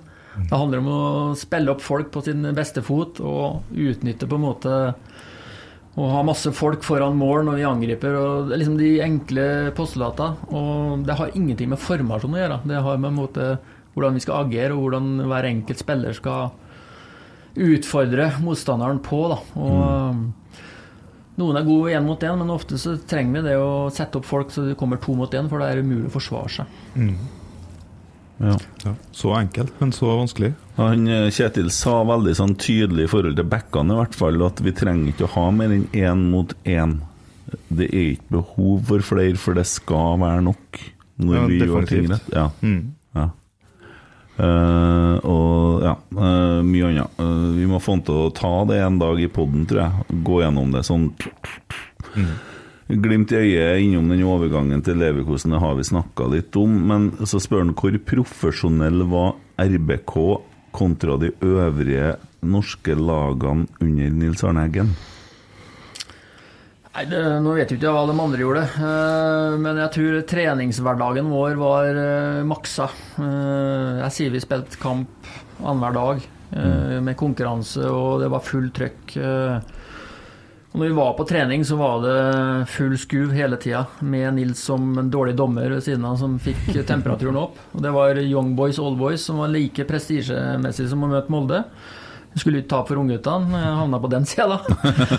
Og, og så var det nord-sør, altså de som kom nordfra mot sør. Og det, og det å lage konkurranser og gjøre det samme på trening som du gjør i kamp. Og der har jeg en sånn liten sånn eh, som jeg har sett de siste åra. Hvorfor trener man på 20 ganger 20 meter når banen du spiller på er 100 ganger 60? Det Det er et godt poeng. da. ja, for at jeg har sett en del treninger, ikke nå siste, bare så det er sagt, men eh, jeg syns de siste årene har vært veldig tendens til at eh, det trenes på kvarte baner, og da får du ikke de samme bildene som du får i kamp. Nei. Til og med har jo vi satt opp måla bestandig, spilte vi i lengderetning. Ja. For du får de samme bildene i hodet som du gjør. Spiller du på tvers? Vi spilte aldri på tvers. Altså sånne enkle ting, men likevel så Du skal gjøre det mest lik. Skal du løpe 800 meter, så må du øve på å løpe 800 meter. Mm. Ja, Det handler om terping. Du må jo gjøre det vi du skal bli spiller god på. bare Masse. lengderetning nå. Ja, gjør faktisk det nå. Og ofte på stor bane, og av og til med de småmålene. Eh, Ja. Og så ser jeg at keeperne er med litt i spillet innimellom. Det er litt kult òg. Det tror jeg er smart. Men allikevel så mener jeg at uh, småmål ja, ja, kanskje noen treninger, men du må jo øve på å skyte. Altså, da må du ha keepere der, du må ha store mål. Mm. Jo, men de gjør det mye òg. Ja, jeg sier det bare. Ja. Men eh, eh, Ola By sa det at det er liksom eh, steget tilbake til Lerkendal. er sånn, det blir litt sånn stusslig når du har på en måte vært spiller og litt sånne ting. Er du ofte på brakka og på Lerkendal og sånn, du? Jeg var veldig mye på brakka når brakka var åpen. Mm. Når øh, det runde bol var besatt av litt eldre folk der jeg er innom og sånn. Når det ble stengt, så jeg må innrømme at det er veldig lenge siden jeg har vært der. Mm. Jeg syns det er synd, for det var en del av brakka, og jeg tror det er smart å åpne opp brakka fordi de, de, de eldre karene der, de er Rosenborg-supportere, de er positive, men de er også en, et talerør for det folk har sett på, på banen. At eh, når vi kom og hadde tapt en kamp, så fikk vi jo høre det. Og det var jo helt greit, eh, hvordan vi hadde prestert. Så det er på en måte å få litt input fra vanlige folk i brakka òg, tror jeg er bare positivt. Så folk ble, ble jo tatt imot eh, når de kom inn òg. Om de skulle se på pokal eller om de skulle snakke med noen, så ble de jo tatt imot av en del frivillige som satt der og bare hadde en kaffe, da. Som, eh, Ellers er jeg litt eh, skjønner hva Ola sier, for jeg, når du har vært ute på banen der, så er det faktisk litt sånn rart å si det, men det er litt sånn nedtur å sitte på tribunen. Eh, jeg er ikke noe mindre supporter eller ønsker ikke noe mindre at Rosen kan vinne, men jeg koser meg like mye med kampen i sofaen. Trenger ikke en stadiongreie, for det er litt sånn Jeg, jeg vil være utpå der. Jeg vil ikke sitte her. Jo, men kan jo forstå det. det Så det er litt sånn Høres ikke rart ut, men eh, Nei, jeg forstår det fullt ut. Jeg er steikdårlig på å gå på konserter, for jeg spiller så mye sjøl, og så blir jeg litt sånn Du vet når det blir samme i min bransje, så ser du musikerne står bakerst med hendene litt sånn i kors og ser litt sånn alvorlig ut, og det kalles ofte musikkpolitiet. Men så ser du på vippen på Lerkendal og en del gamle fotballspillere som står litt sånn alvorlig, og som er litt sånn Eh, det bryr seg ikke så hardt, eh, litt sånn der. Så jeg forstår at det, det må skje noe der, men du har jo mye å gi til klubben. Du, du har jo en godfotarv, du òg. Og fått eh, ting og, og, og, og hørt med dine ører og sett med dine øyne. Og du har jo forelest en del om det. Eh, Gjør du noe i forhold til sånne ting nå, liksom? Nei, jeg har, eh, hadde jo det foredraget mitt som, som dreide seg om det vi hadde opplevd, da. Mm. Men jeg har jo lagt det mer bort. Jeg har jo fulltid på powernap-stolene mine. Be well, be well, well. well. Yeah. Der har vi kanskje Det er jo be well, well, well. Ja, litt reklame der, ja. ja. Du må lease deg en stol, Tommy. Skal gjøre det? Bare ring svigers. Ja, ja ordner svigerfaren. har AS, han, vet du. Ja. Går det an å spille PlayStation når du sitter i stolen her? da? Det skal jo være telefonfri sone der, da. Ja. kvarteret skal du unne deg sjøl. Og du får bare et kvarter i stolen? Du kan jo sette på to program, det, vært, eh, det er jo tilpassa arbeidslivet, så eh, arbeidsgiverne syns jo at kvarter eh, passer bra i forhold til å gi Ja. at du ikke her i timevis. Du kan jo Mm. bruke Det er det etter at du spilte mot meg i Fifa. Å, Å, herregud. Hvor er mute-knappen på den her? Powernap skal ikke vare mellom ti minutter og kvarter, vet du. så derfor så er det tilpassa det. Ja, sant. Ja. Det hender jeg tar meg en powernap, og så våkner jeg opp to timer senere. Det er kanskje ikke en powernap lenger. da. Sover vi ikke om natta. Nei, Nei, det det- er bra. Jeg hadde en powernap her eh, etter at alle hadde lagt seg her om dagen. Da våkna jeg opp på sofaen klokka sju om morgenen. Med snusen i leppa og helt visste ikke hvor jeg var eller noe. Det er fint. Da er du nesten litt fullsjuk når du Ja, det, da er du helt tørst. Rett i lever i barnehagen. Og, så, leverte av Lisa i barnehagen og tok med anker. ja, ja. Ja. Nei, nå har jeg hatt uh, en runde med kampen om tungtvann igjen. Jeg er så fascinert av andre verdenskrig og sånne ting. Jeg ser så mye sånn. Og det der er en god norsk serie som ligger på NRK. Uh, det står sånn respekt av hva karene der holder på med for at vi skal kunne sitte her og snakke norsk og pod. Så så har vi snakka tysk, tror jeg. Hadde jo hytte på Møsvann, det er jo rett ved Rjukan. Så jeg kjørte jo forbi tungtvanns hver gang og fascinert. For jeg liksom husker der var det det som skjedde. Ja. For det er i åssida, så vi kjørte opp langs den. Ja. Ja, har du sett den serien på NRK? Ja, Ja, den er dritbra. Det, jeg kjøpte meg en sånn liten boks med sånn tungtvann som de har henta opp til ferga der, som de senka. Det sto noe på det, i hvert fall. Det var med sånn sertifikat og sånn. Ja. Ja. Tinnsjøen. ja. Det, nei, jeg syns det er Jeg liker litt sånn gammel historie og sånn. Så Når man er i Rjukan og ser det anlegget og ser det området rundt, så blir det bare enda mer imponerende. altså. Men hvor, det, hvor du er du er fra hen? Rakkestad heter jo eh, hovedplassen, som jeg sier. Jeg kommer jo 12 km utafor der òg, så jeg kommer skikkelig på landet. Ja, Men jeg så på engelsk Wikipedia så står det at du er fra Sarpsborg. Ja, jeg er født der, da, på sykehuset. Ok, Og gikk på skole der, men øh, Men uh, Rakkestad er jo liksom hvor er det nærmeste by eller tettsted som jeg vet om? det Rakkestad har jeg hørt om, men jeg skjønner ikke Det hvor ligger jo mellom uh, Halden og, og uh, Mysen. Ja, så du kunne Momarken. Momarken. Ja, ja, ja. Momarkedet, vet det var Vi, vi husker det. Ja. Vi aner jo ikke hva dere snakker om. jeg, Tommy. Nei, Tror fatter'n har det på VHS. det var stas en gang i tida, det. Oh, Ja, Åge Aleksandersen på Momarkedet med røde briller, og det var, Ja, det var tider. Det var da alle var begeistra for ting. ja, riktig. Ja. Og ikke folk satt med svartmaling og leita feil overalt. Så det er jo tomt for svartmaling i hele byen nå. Ja, det har vært mye negativt, ja. Ja.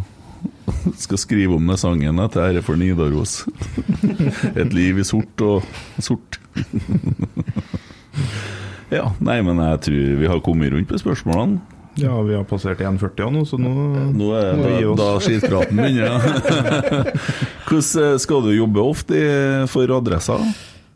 Nei, faktisk ikke så mye. Eh, Jeg er jo litt sånn eh, Jeg trekker meg litt tilbake, for jeg verdsetter helgene så godt at jeg er livredd for å ta for meg for mye. Så jeg er den som har minst oppdrag, men jeg skal være med noen ganger. Ja, for da skal man se Det er rett etter kamp, det, eller er du med på den midt i uka?